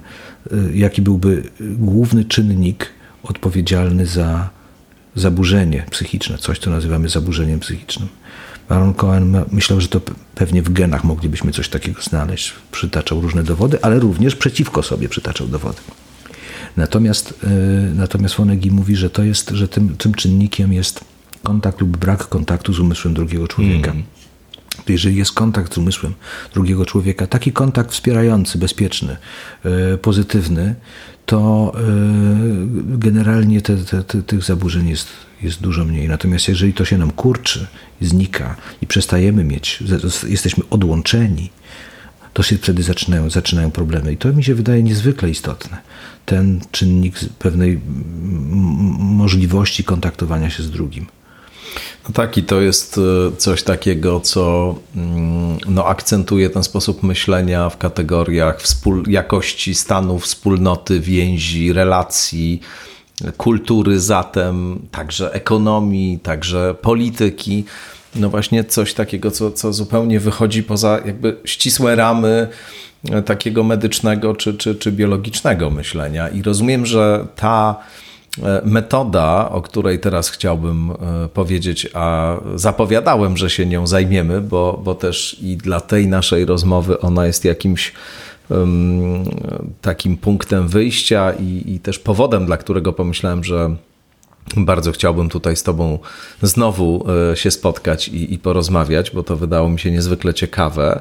No właśnie, że ta metoda otwartego dialogu, którą od pewnego czasu się zajmujesz i którą też wdrażasz e, w e, swoim e, ośrodku, to jest coś, co właśnie te kwestie bierze pod uwagę i, i jakoś żywo je włącza w praktykę psychiatryczną, tak? Tak. Ja może, może opowiem, jak ja doszedłem do tego, tak, do tak, tego otwartego absolutnie. dialogu. Jak to się pojawiło właśnie w tym kontinuum, e, które tutaj zrekonstruowałeś? Wraz z odejściem profesor Namysłowskiej z, z kliniki w 2010 roku, no ja doszedłem do wniosku, że e, prawdopodobnie dalsza ewolucja tego, e, tego miejsca będzie taka, że ja sobie nie znajdę tam, mm. nie, nie odnajdę się tam ze swoimi, ze, ze, ze swoimi jakimiś myślami i że no, kończy się pewna epoka i też zdecydowałem odejść. W tym samym czasie, czyli 31 grudnia 2010 roku. Odszedłem, odszedłem z tamtej kliniki. Y, krótko y, prowadziłem prywatną praktykę, a potem y, dostałem taką propozycję z Uniwersytetu Kardynała Wyszyńskiego, żeby tam poprowadzić katedrę psychologii klinicznej, którą prowadziłem tam. Pracowałem tam 9 lat i tam kilka lat sam nawet nie wiem ile, czy 7 czy 8, miałem okazję tam prowadzić to wykłady z psychologii klinicznej, psychoterapii, yy, psychopatologii dorosłych, psychopatologii dzieci i młodzieży, neuronauki, no, ca mm. cała, cała masa wykładów, też, też seminaria yy, i prowadziłem koło dla, dla studentów. Więc to była taka bardzo, bardzo ciekawa praca dydaktyczna, połączona z pracą już w gabinecie. I yy, i niemniej jednak ta praca w gabinecie, gdzie człowiek jest taki sam bardzo, to oczywiście spotykam kolegów, bo w jakichś towarzystwach działam, natomiast, e, natomiast ta praca samotna jakoś mnie bardzo wyczerpała. I bardzo szukałem jednak miejsca, w którym można by się było odnaleźć, jakiegoś, jakiegoś miejsca klinicznego, w gdzie można byłoby pracować z zespołami. W trakcie pracy, UKSW pojawiła się taka, taka idea psychiatrii środowiskowej, tam ona, ona wtedy kiełkowała y, i y, dostałem taką, taką propozycję z Polskiej Fundacji Otwartego Dialogu, że oni organizują wyjazd do Berlina, taki studyjny, żeby zobaczyć, jak tam wygląda psychiatria w Niemczech, w tym wyjeździe udział wziął e, pan profesor Wciurka, pan doktor Balicki, tam byli przedstawiciele jeszcze NFZ-u. No jakoś zaproszono mnie, więc pojechałem na dwa dni. Pojechałem i się zachwyciłem. Zachwyciłem się e, pewną atmosferą, to znaczy zobaczyłem e, ludzi, którzy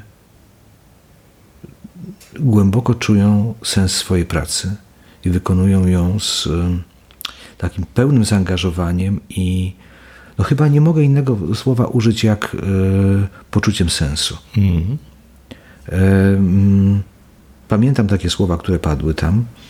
Jeden z, jeden z, jedna z osób pracujących powiedziała, no my zarabiamy tutaj coś, to jest oczywiście zarobki są ważne, ale my tego nie robimy wyłącznie dla pieniędzy. Mm. To było dla mnie bardzo poruszające i to było w takim przekazie, że to nie tylko są to deklaracje, ale to czuć, że tam jest, że, że, że coś jest jeszcze. Yy, oni pracowali w oparciu o metodę taką dosyć nowoczesną yy, pracy środowiskowej, więc pracy w środowisku osób z jakimś kryzysem psychicznym. Ta metoda nazywa się otwarty dialog i powstała w Finlandii, a mieści się w szerokim nurcie terapii Y, systemowych, z tym, że mm, ten, ten nurt nazywany jest konstrukcjonizmem społecznym. W zasadzie takie dwa ośrodki, które reprezentują konstrukcjonizm społeczny, to jest e, Finlandia, a więc ten ośrodek otwartego, e, otwartego dialogu i, e, i, i Norwegia, to, to jest Tromsø. Ja miałem okazję pojechać również do Norwegii na staż do, do szpitala, w którym y, y, działa zespół stworzony przez Toma Andersena, właśnie y, zupełnie niezwykłego terapeuty. I, i, I tam zobaczyłem, na czym ten konstrukcjonizm społeczny polega. jaka to jest praca, jak, jak wiele praca w środowisku z rodzinami i sieciami społecznymi, jak wiele może e, zmienić, jak wiele może zrobić dobrego. To było niezwykle poruszające doświadczenie, ponieważ ja widziałem, ja uczestniczyłem w tych interwencjach, byłem włączany do tych interwencji, więc ja mogłem nie, nie tylko przeczytać, ale ja mogłem sam doświadczyć na sobie, co to, czym, czym jest ta metoda.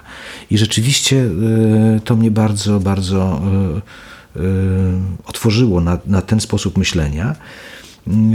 A potem przeszedłem sam swoje szkolenie w tym nurcie otwartego dialogu, podstawowe, prowadzone przez pana doktora Wernera Szyce z, z Niemiec.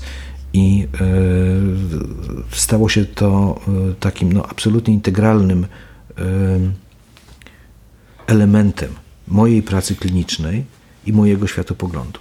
To nie znaczy, że ja nagle się zrobiłem święty, taki pneumatikos przez to. E, wracając do modeli. Zawsze dążymy do tego, żeby być pneumatikos tak, oczywiście. Tak. Żeby obudzić w sobie ten... Że, albo jest, albo się nie jest. Może się obudziło, ale, się, ale, ale ja się nie, nie przekształciłem. Ja Rozumiem. jestem takim, jakim, jakim byłem. To znaczy no, ze swoimi błędami, wadami i tak dalej. To nic, nic pod tym względem się nic nie zmieniło.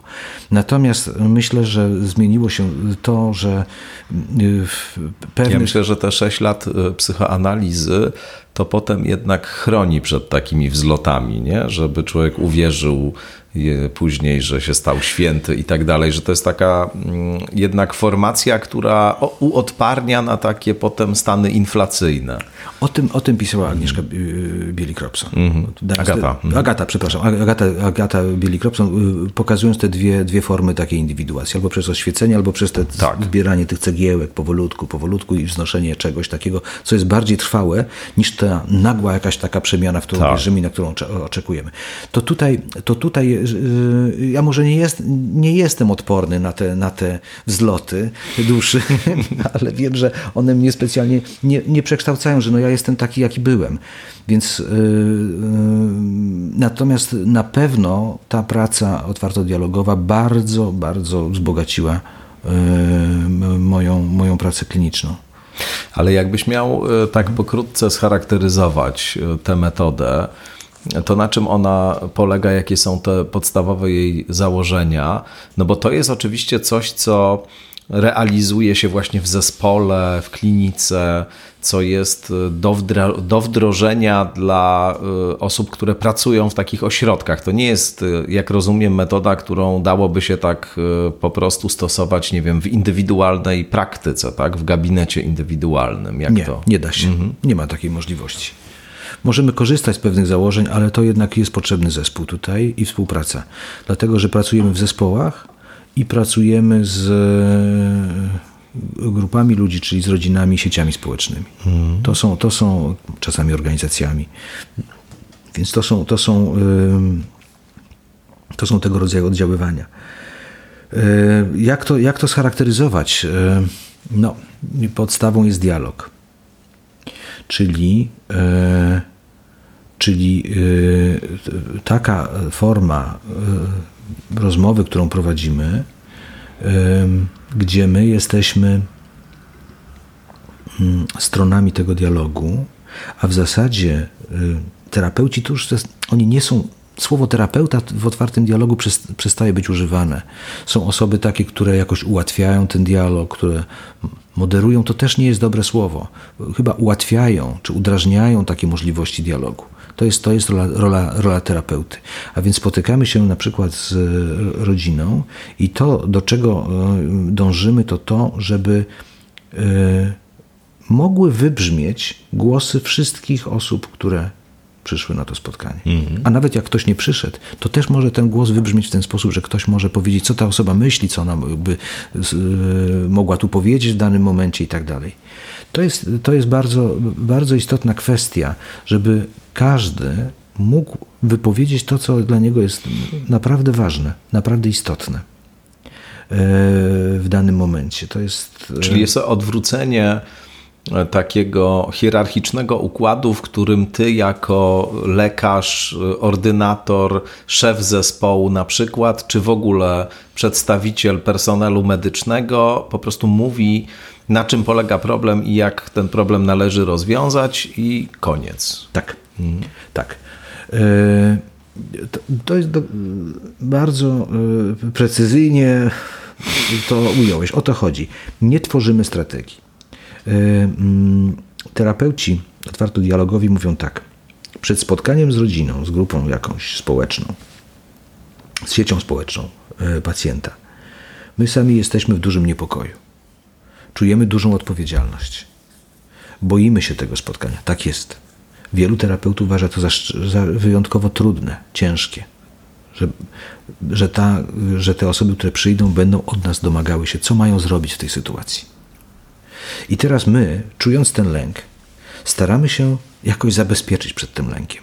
To, co, to, co robimy, to zaczynamy mm. tworzyć strategię. Aha, to znamy mniej więcej tę konstelację, znamy tę rodzinę, to my spróbujmy wymyśleć, co oni powinni robić, jak powinni myśleć, y, żeby y, tam się poprawiło.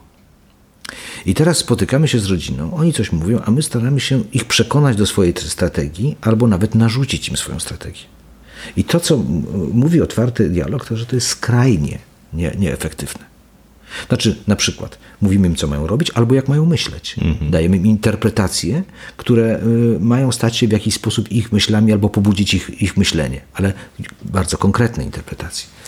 Więc myślę sobie tak, że tutaj absolutnie tego nie ma.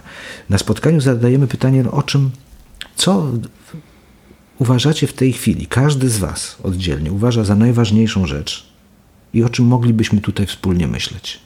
Tak, żeby każdy mógł powiedzieć od siebie, co uważa za najważniejszą sprawę dla siebie, w sensie doświadczenia, emocji, no, o czym, przy, czym, przy czym on w tej chwili jest najbardziej. I muszę powiedzieć, że to założenie otwartego dialogu y, odwołuje się do y, koncepcji Bachtina ono jest głównie oparte na, na, na, na Bachtinie i na koncepcji e, polifoniczności. On analizując e, między innymi Dostojewskiego, bardzo wyraźnie pokazał, że tam e, są te, te, te, te narracje i te dialogi polifoniczne, to znaczy, że no każdy jest zupełnie inny, każdy mówi od siebie, każdy mówi swoje własne zdanie, bez dążenia do tego, że my mamy to w jakikolwiek sposób ujednolicić. I to, to, co my chcemy zrobić, czyli do czego dążymy w czasie takich spotkań, to jest stworzenie tej możliwości polifonii, czyli wielu głosów, albo inaczej właśnie wielogłosowości, gdzie w tej samej przestrzeni zaistnieją bardzo różne narracje, ale prawdziwe. Wcale nie dążymy do tego, żeby była wypracowana jakaś jedna narracja. Zupełnie nie o to chodzi. E, ani żeby coś narzucić, co my myślimy.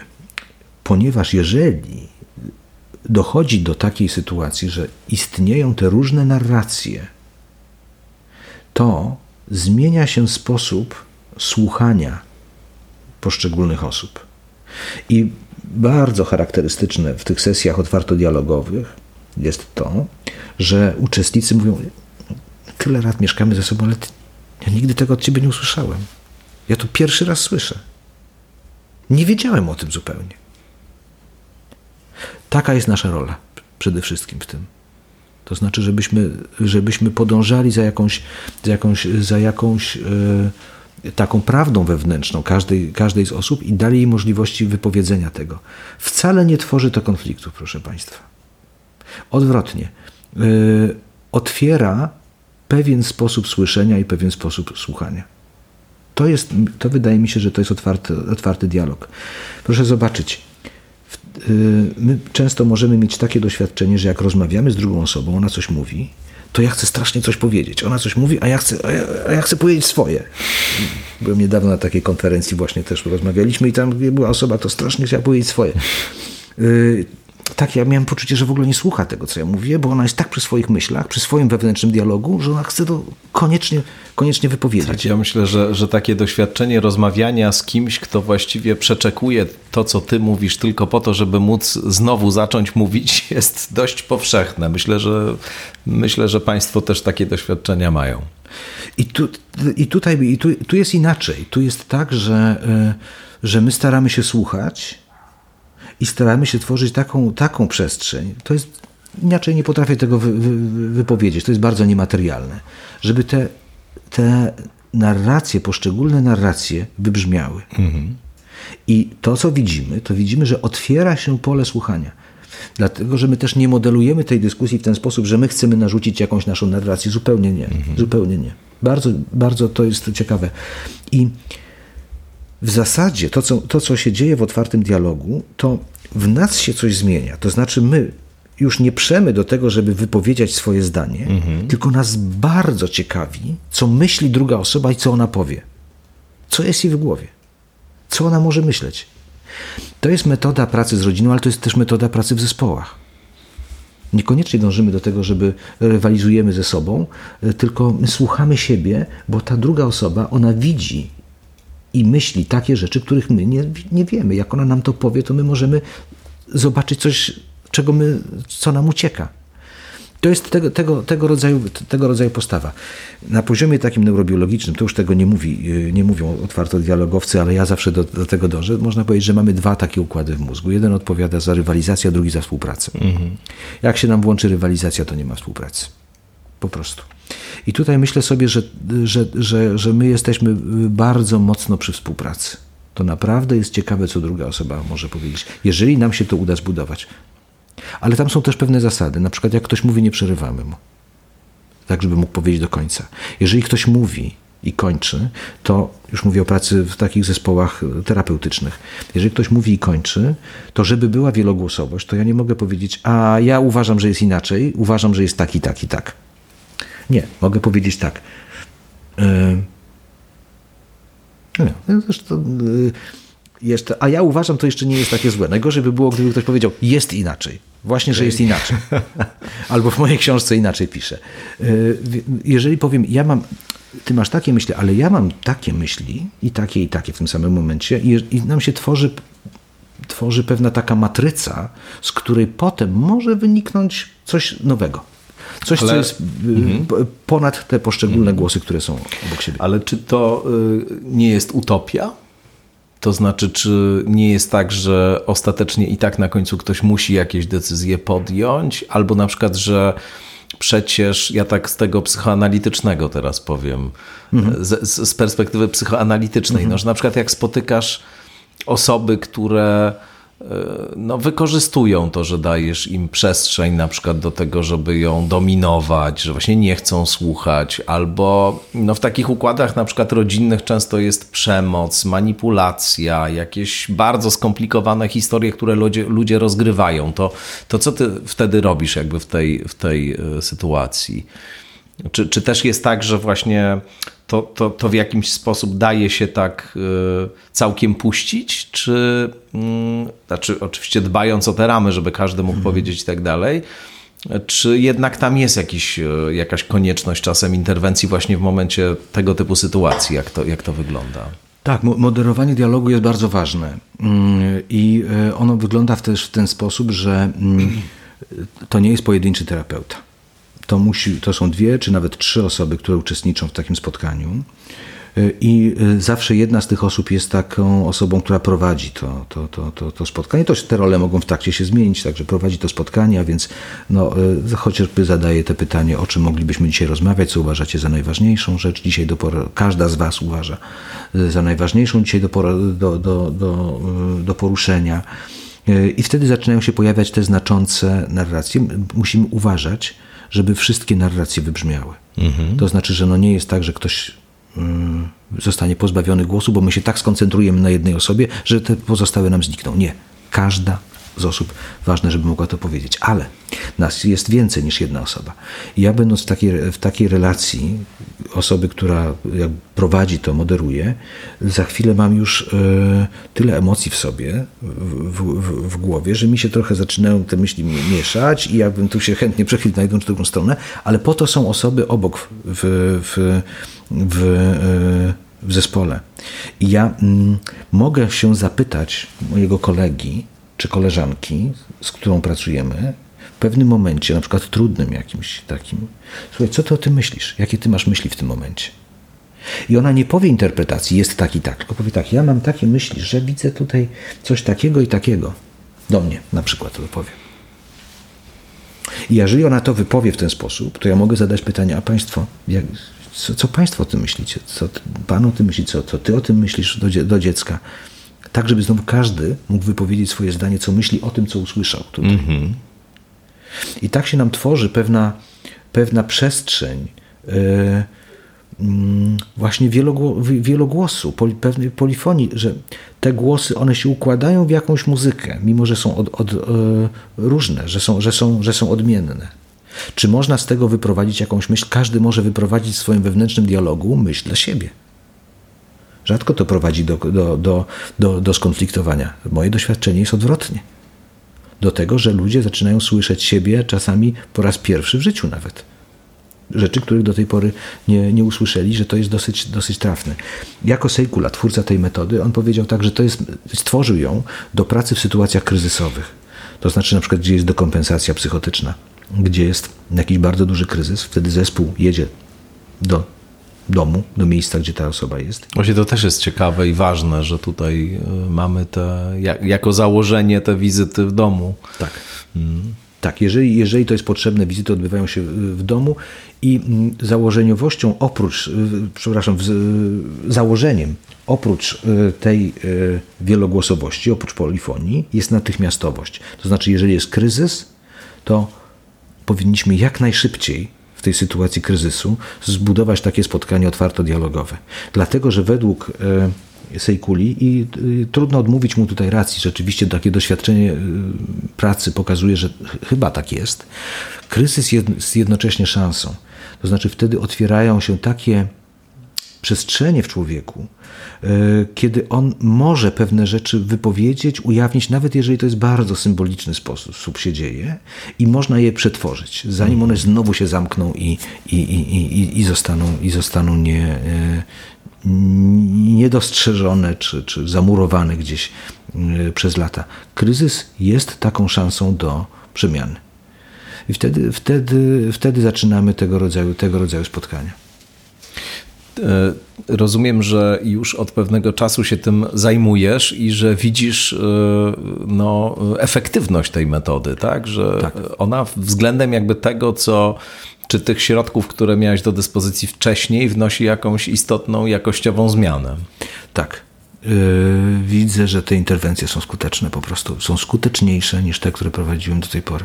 A to... myślisz, że y, w czym leży y, istota tej efektywności? Właśnie w tym, że y, no, w jakimś sensie dziecko na przykład, czy młody człowiek, który doświadcza jakiegoś kryzysu psychicznego, no nie doświadcza go w próżni, tylko właśnie w jakimś systemie rodzinnym, w jakimś układzie, w którym funkcjonuje i że spojrzenie na cały ten układ i też możliwość wypowiedzenia każdej z perspektyw wprowadza zmianę w obrębie układu i też to ogniwo, które często jest właśnie najsłabsze, najbardziej wrażliwe, e, też na tą zmianę reaguje? Jak to, jak to byś opisał? Tak, myślę, że tak jest, że rzeczywiście e, to e, połączenie między umysłami, które zostało gdzieś e, naruszone, rozerwane, ono się odbudowuje. Ja jestem zaskoczony naprawdę skutecznością tej metody, ale nie chciałbym też stworzyć jakiegoś takiego fetyszu. Oczywiście, tutaj. tak. My, my stawiamy pierwsze kroki. Tak naprawdę zaczynamy wprowadzać w niektórych naszych interwencjach, terapiach elementy tego otwartego dialogu, ale one są bardzo obiecujące. E, nie, nie chcę stworzyć fałszywego obrazu, że tak pracujemy i że tutaj mamy jakąś taką metodę, że wszystkich leczymy. To jest bzdura. Jesteś, pracujemy jak pracowaliśmy, ale wprowadzenie pewnych elementów daje nam ogromną nadzieję, bo widzimy, że na przykład zmniejszają się konflikty, że odtwarzają się więzi, że coś dobrego się dzieje w, w relacjach, y, y, na co wcześniej nie mieliśmy żadnego wpływu. Chcąc narzucić pewne interpretacje albo na strategię rodzinie, i oni zwykle wychodzili po prostu zniechęceni, czy, czy, czy mówili, to nic nie daje, no chodzę na tą terapię, to nic nie daje, to, to nie ma sensu.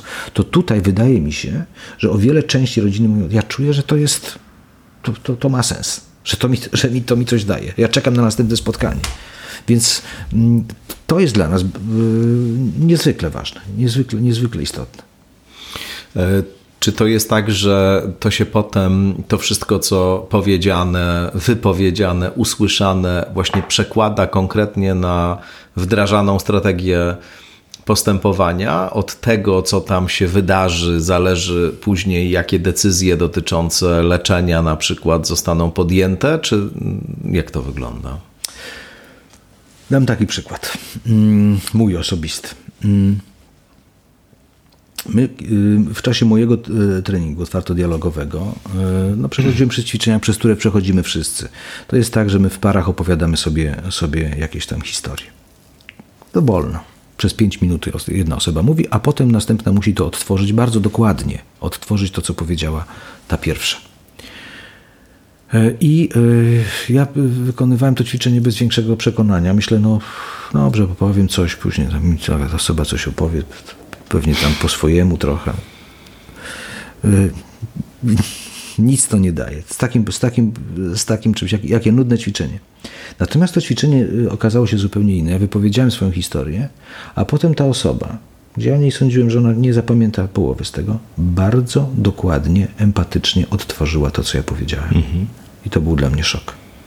To był dla mnie szok, ponieważ ja zobaczyłem, że ja projektuję w tą osobę tyle jakichś swoich uprzedzeń, a że ta osoba tak potrafił jasno i empatycznie popatrzeć na mnie.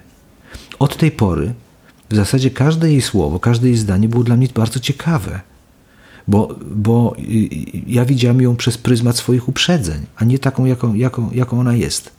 A więc to jest to jest e, takie bardzo namacalne doświadczenie, które pojawiło się w trakcie tego e, otwartego dialogu, gdzie dosyć szybko te wszystkie moje projekcje mogłem zobaczyć i mogłem je cofnąć w tym konkretnym przypadku. E, I myślę, że to dzieje się w, też w rodzinach i w, i, w, i w sieciach społecznych. Że możemy zobaczyć, ojejku, to ty takie rzeczy myślisz? To ty, to ty coś takiego przeżyłeś? To ty tak to widzisz, tę, tę, tę relację, która tutaj jest między nami, ja nigdy bym o tym nie pomyślał. To jest to otwarcie czegoś poprzez słuchanie i zainteresowanie słuchaniem. W związku z tym ta druga osoba nabiera kontakt z nią nabiera trochę innego charakteru.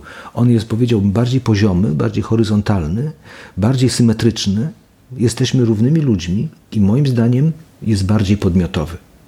Bo my nie zakładamy, że ta osoba, która przed nami siedzi, to jest takie małe niemowlę, które się urodziło i które my musimy pomieścić z jego różnymi tam e, rzeczami i, e, i być jak ta matka, która przetwarza cały czas to, co e, negatywne, co ta osoba projektuje, tak jak jest właśnie w psychoanalizie, i, i dawać to, co najlepsze, to my z tej pozycji trochę czy całkowicie rezygnujemy, mając przed sobą drugą osobę jako podmiot, osobę dorosłą czy dziecko, ale która ma naprawdę coś ważnego do powiedzenia i, i my chcemy to usłyszeć.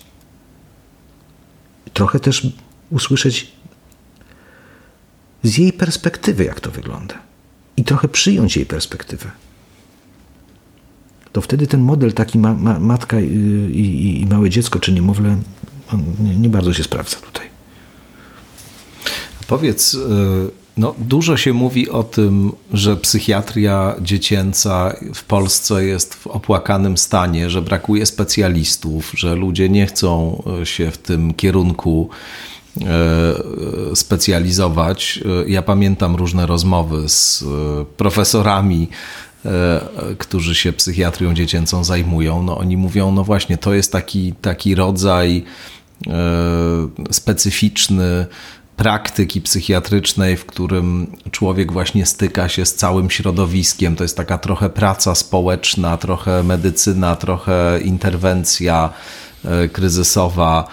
E, to nie jest tak, że się można właśnie w takim bezpiecznym zaciszu gabinetowym e, skryć i, i tam funkcjonować, tylko to często jest bardzo angażujące czasowo, emocjonalnie, no a właśnie z powodu tego, że instytucje są niedofinansowane, że wszystko wygląda tak, jak wygląda, no to też bardzo często ludzie zderzają się z tym systemem, ale w każdym razie ten temat jest nieustannie na różne sposoby w mediach podejmowany, tego, że że jest tak źle w tej dziedzinie. I mam dwa pytania. Po pierwsze, jak to jest, że tobie się tyle udało zrobić e, w tym zakresie? To znaczy, że naprawdę no, od lat e, też e, jakoś się przyglądam z boku temu, co, co robisz, i to dla mnie jest niezwykle imponująca praca bo rzeczywiście taka z jednej strony u podstaw, z drugiej strony bardzo konsekwentnie e, pewne sprawy rozwijasz, wdrażasz i, i przede wszystkim właśnie na poziomie instytucji e, działasz i, i, te instytucje rozwijasz z pożytkiem dla Twoich pacjentów i, i, ich rodzin, oczywiście. Więc to jest pierwsze pytanie, jak to, jak to się robi w takim razie.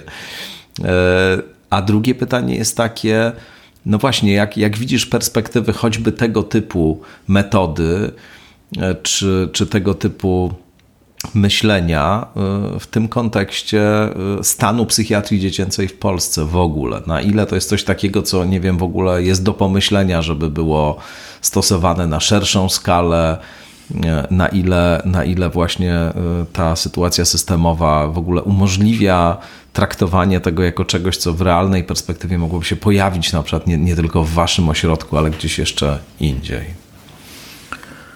Ja myślę sobie tak, że mm, ja nie chciałem być psychiatrą, ale zostałem. E, w tej chwili bardzo lubię swoją pracę.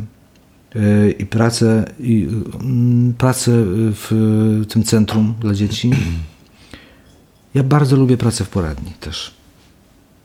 Gdybym mógł, to ja mógłbym pracować w poradni albo jeździć w zespołach takich e, środowiskowych.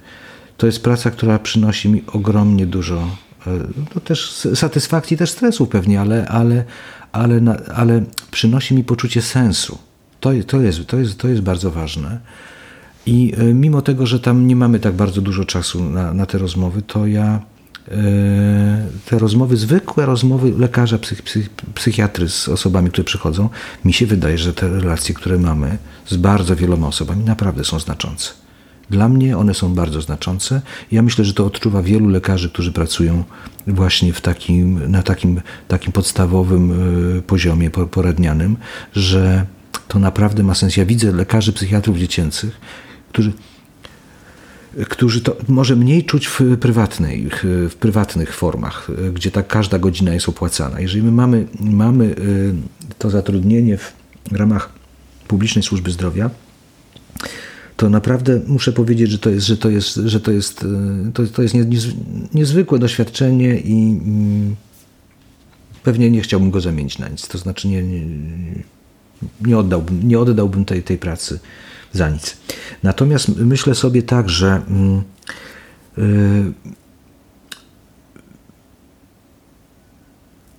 reformy są konieczne. Reformy są konieczne w, w, takim kierunku, one powinny iść, że mm, żeby dać y, możliwość tworzenia zespołów terapeutycznych.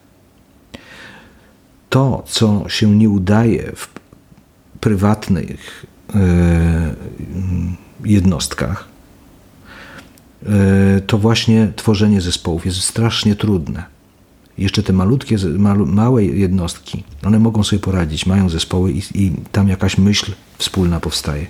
Natomiast te duże kombinaty, takie e, raczej stworzenie prawdziwego zespołu jest mało możliwe, ponieważ tam każda godzina jest tak wyceniona, no. Jasne. Inaczej zupełnie. W publicznej służbie zdrowia my możemy tworzyć, e, tworzyć zespoły i możemy współpracować, możemy wymieniać myśli i to jest, e, to jest taka jakość zupełnie niezwykła. Teraz taki znowu neurobiologiczny kawałek. Jest taka wybitna badaczka mm, interakcji, relacji między, międzyludzkich, która bada synchronię pomiędzy mózgami. My wiemy, że sytuacja empatii e, to na poziomie mózgu to jest synchronia. E, możemy to badać za pomocą badania synchronii e, obu mózgów w zakresie fal elektromagnetycznych w określonych obszarach mózgu, że to, że to można badać.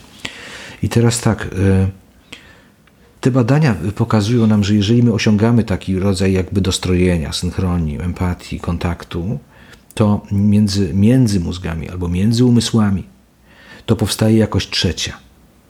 To coś więcej jest. I e, myślę sobie, że, że mm, e, tworzenie zespołów terapeutycznych z tego punktu widzenia ma ogromne znaczenie. Ja bym reformę kierował w taką stronę, żeby dać możliwość tworzenia prawdziwych zespołów terapeutycznych ludziom, żeby codziennie mogli się spotkać na godzinę może półtorej nawet, i rozmawiać o tym, z jakimi osobami pracują, jakie mają kłopoty, do czego dążą i tak.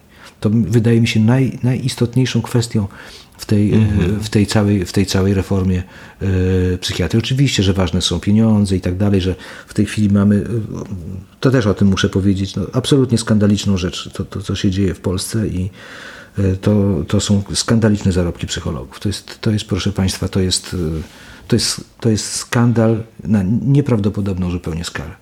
Niczego nie zbudujemy, jeżeli tak, tak beznadziejnie będą opłacani tak wysoko kwalifikowani e, pracownicy, którzy za chwileczkę znikną z publicznej służby zdrowia. Jak się troszeczkę wykształcą, to idą, idą gdzieś dalej, bo nie są w stanie pracować. Płaczą i odchodzą. To trzeba absolutnie zmienić, ale to to właśnie to jeszcze jest taki stary model, gdzie właśnie ten psychiatra, on już w tej chwili dobrze zarabia, już dużo lepiej zarabia, ten taki, który bardziej patrzy na tą część biologiczną, a osoby, które patrzą na część społeczną, środowiskową, emocjonalną, interakcyjną, relacyjną, więziową, to oni, e, oni, są, oni są przez system pomiatani. I to jest nie do przyjęcia po prostu. To jest, bardzo mocno chciałbym to powiedzieć. Pytanie, y, jak przy tym stanie, który mamy w ogóle te y, działania mające na celu poprawę sytuacji zacząć? Jest jakieś takie miejsce, od którego ty byś, ty byś zaczął? Miejsce, od którego bym zaczął? Zacząłbym od, od, od przyglądania się tym y, dzieciom, młodzieży, która może być pozbawiona w tej chwili pomocy. O tym mówiłem niedawno w jednym, w jednym z, wywiadów E, zapytano mnie, co bym poradził ministrowi, tak. jeśli chodzi o... Zacząłbym od ośrodków e, dla migrantów i od dzieci, które tam są bo tam jest poziom traumatyzacji warunków, warunki są straszne. Trzeba by było zobaczyć, co tam się dzieje i dostarczyć właściwą pomoc. E, zacząłbym do, od przyglądnięcia się dzieciom na granicy. Zacząłbym od sytuacji dzieci ukraińskich, wietnamskich, czeczeńskich i tak dalej w Polsce, bo one są e, moim zdaniem trafiają e, do nas bardzo straumatyzowane przez swoich rówieśników, polskie dzieci, które są e, w swoich zachowaniach bardzo ksenofobiczne. Oczywiście to nie jest ich wina, to jest wina środowiska i systemu, w którym jesteśmy, E, ale e, to powinno się bardzo, bardzo mocno zmienić. Myślę, że trzeba bardzo wspierać e, i przyjrzeć się sytuacji młodzieży LGBT, która myślę, że może być pod bardzo dużą taką presją negatywnego ich postrzegania i poprzez stereotypy. Więc to ja bym zaczął od, od, od, takich rzeczy, a potem bym szedł w kierunku budowania środowiskowych centrum zdrowia psychicznego i, mm, i z i takiego systemu, gdzie mm, szpital nie jest najwyższym ośrodkiem referencyjnym, tylko jest równym e, z środowiskowym centrum, e, który nie będzie hierarchiczny, tylko będzie bardziej, e, bardziej demokratyczny i gdzie naprawdę uwierzymy, że uczucia, umysł, relacje, więzi są, są kluczowe, a nie zamykanie ludzi w szpitalach i, i, i podawanie im leków. To jest kawał drogi, ale to kroczek po kroczku. To, co przyniosło nam, nam zmiany, to to, że otwarty dialog, i te, ale nie tylko otwarty dialog, liczne praktyki, te skuteczne praktyki przenoszą się przez przykład. Czyli jeżeli jest jeden ośrodek, który daje przykład, to inne ośrodki są tym zachęcone.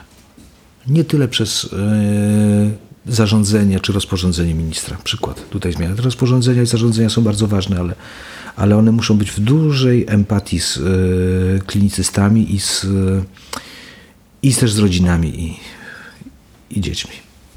A masz jakąś odpowiedź na pytanie, dlaczego właściwie ta sfera jest w Polsce tak zaniedbana? Dlaczego tutaj taki mamy z tym kłopot? Oczywiście to nie jest kwestia tylko psychiatrii dziecięcej, tylko w ogóle tego, że ochrona zdrowia mm, publiczna domaga się reformy i o tym też przecież wszyscy wiemy, że również takim sektorem niedofinansowanym, mierzącym się z ogromnymi problemami jest edukacja. A przecież edukacja i ochrona zdrowia to są takie dwa spoiwa wspólnoty. To znaczy, jeśli e, ma się takie poczucie, że ma się dostęp równy do E, edukacji właśnie, że niezależnie od tego, w jakiej przyjdziesz na świat rodzinie, jakie są te twoje parametry wyjściowe, to wspólnota oferuje tobie taką ścieżkę, dzięki której możesz zbudować jakąś swoją E, życiową pozycję, realizować swoje jakieś pragnienia, marzenia, zainteresowania, wreszcie znaleźć pracę, zarabiać e, pieniądze. No a z drugiej strony, że kiedy chorujesz, kiedy twoje zdrowie nie domaga, to też masz, e, tak jak wszyscy, dostęp do działających instytucji, które nie stwarzają takiego wrażenia, że E, że mm, no właściwie jesteś e, ogniwem zbędnym w tym świecie, tylko cię przyjmują i, i, pomagają ci dojść do zdrowia, no to to jest takie bazowe poczucie jakiegoś e, bezpieczeństwa, bycia przyjętym, bycia widzianym, bycia zaopiekowanym, jak to się mówi. U nas to wiadomo, że nie jest w najlepszym stanie i i lekarze, i nauczyciele często zarabiają bardzo słabo E, I, I to też jest wyraz jakiegoś, e, myślę, przekonania, że i lekarze, i nauczyciele to w zasadzie powinni wykonywać swoją pracę za darmo, bo to misja. E, I, I to się niestety też na nich bardzo i na Was po prostu mści na różne sposoby. Ale mm, czy masz jakiś, jakąś myśl o tym, czemu właśnie ten segment, wewnątrz tego segmentu też y, niedofinansowanego i, i źle zarządzanego, no jest jakoś szczególnie y, źle zarządzany i niedofinansowany. Skąd to się bierze? Dlaczego? Przecież to są rzeczy fundamentalne zupełnie, a jednocześnie tak bardzo zaniedbane. Ja myślę sobie tak, że my mm, y, naprawdę dopiero wychodzimy z za żelaznej kurtyny. Mhm pewien system, który, który tutaj został zbudowany w latach 50. i później, taki, y, y, y, który bym nazwał psychiatria skoncentrowana na mózgu bez uwzględnienia umysłu i relacji człowieka. No, ona, ona, ona tak działa. I były, były liczne próby przekształcenia, i one, one się dzieją w tej chwili my mamy przecież taki ruch e, oddolny rodzin. E, działa Fundacja F. E, I wiele, wiele są centra środowiskowe, centra zdrowia psychicznego, więc to są jakieś takie jaskółki zmiany. Natomiast to przekonanie takie, mm, że, że są tylko leki i szpitale, mm -hmm. no mhm. ciągle jest, ciągle jest obecne i to, to musimy absolutnie zmienić w Centrum na Woli my nie chcemy mieć oddziału całodobowego, żeby nie iść na łatwiznę. My chcemy rozwijać środowiskową pomoc, jak to tylko możliwe, ale widzę, że to jest, to, to jest duża droga. Natomiast jeżeli zaczynamy to robić, to, to ludzie są zaangażowani i w to, co robią bardzo mocno, my się możemy spierać, czasami kłócić im i tak bywa oczywiście i czasami mamy nawet konflikty spore. Natomiast, natomiast to, co mam, to, co, to, tak jak to widzę, to, to, że każdy z tych zespołów, a tam jest ich sześć, ma swoją tożsamość, e, wie do czego dąży, ma, jest spójny wewnętrznie dosyć i jest bardzo zaangażowany, jeśli chodzi o pacjentów, o dzieci i młodzież. To na pewno nam się udało. Więc myślę sobie, że to jest, to jest jakiś krok, e, krok, e, krok naprzód. Rozwijałbym, dałbym swobodę rozwoju zespołów terapeutycznych, dużą swobodę tym zespołom e, i nie ograniczał ich za bardzo procedurami i przepisami, ponieważ to e, stłamsi, zdusi cały, cały duch reformy. A powinno iść to w kierunku e, w kierunku raczej takiego no, promocji tych dobrych przykładów. I jeszcze jedna rzecz. W innych dziedzinach medycyny mamy coś takiego, że jakieś urządzenia, aparaty, bardzo drogie leki, e, nie wiem, rezonans magnetyczny, no najrozmaitsze, naj, najrozmaitsze rzeczy. W psychiatrii one też są ważne, ale jednak dużo mniej. E, tym e, urządzeniem, które działa, to jest człowiek. Ta osoba, która się spotyka, rozumie, leczy. I myślę sobie, że dlatego nie powinniśmy, nie tyle powinniśmy inwestować w te urządzenia, tak jak y, była kiedyś taka fundacja, która się trochę zainteresowała psychiatrią dziecięcą i co tu kupić? No nie wiadomo co kupić. Bo to nie chodzi o kupowanie jakichś rzeczy, tylko chodzi o to, żeby ludziom umożliwić szkolenia. Żeby umożliwić ludziom szkolenia, e, ale nie takie, że to jakieś konsorcjum, które szkoli w Polsce, weźmie i wyszkoli nam tutaj wszystkich, bo się dogada z ministerstwem na boku, czy, na, czy, czy, czy nie na boku. Natomiast chodziłoby o to, żeby wybrać te najbardziej istotne, znaczące szkolenia, które już są dobre praktyki za granicą i próbować je przenosić do Polski. To jest najważniejsze, bo my jesteśmy za żelazną kurtyną. I, e, I to, co my staramy się robić na woli, to przenosić takie praktyki. Myśmy e, mieli e, w przeciągu tych kilku lat spotkania z e, środowiskowym centrum z Londynu. Dwóch analityków londyńskich do nas przyjeżdżało i prowadziło, prowadziło zajęcia. Mieliśmy duże szkolenie dla bardzo dużej grupy osób w programie Lighthouse opartym o mentalizację pracy z rodzinami. W tej chwili zaczynamy budować kontakty otwarto-dialogowe. Mieliśmy konferencję, gdzie naprawdę najbardziej znani terapeuci otwartego dialogu mówili wypowiadali się i mamy nadzieję nawiązać z nimi kontakt i rozwijać to podejście dalej w naszym centrum. Więc myślę sobie, że to jest, że tego psychiatria polska, psychiatria dziecięca i psychiatria w ogóle potrzebuje jak powietrza. Kontaktów, przyłączenia do tych dobrych praktyk, które już istnieją gdzie indziej, żebyśmy nie musieli yy, tworzyć wszystkiego tutaj od początku, bo one już istnieją. Tak, tak, tak to widzę. Myślę, że to jest e, dobra puenta e, tej naszej rozmowy. Bardzo Ci dziękuję za spotkanie e, i za opowieść wielowątkową, ale taką akcentującą kwestię, myślę, słuchania innego, otwartości, właśnie wrażliwości, dialogiczności. To są takie rzeczy, które wydaje mi się na pierwszy plan się tutaj wysuwają w tym wszystkim, o czym mówiłeś. No i też takie towary deficytowe dzisiaj mam wrażenie bardzo, więc tym bardziej wydaje mi się ważne, że sobie o tym porozmawialiśmy. Bardzo Ci dziękuję za zaproszenie. Dzięki. Jest mi bardzo miło. To było duże wyzwanie.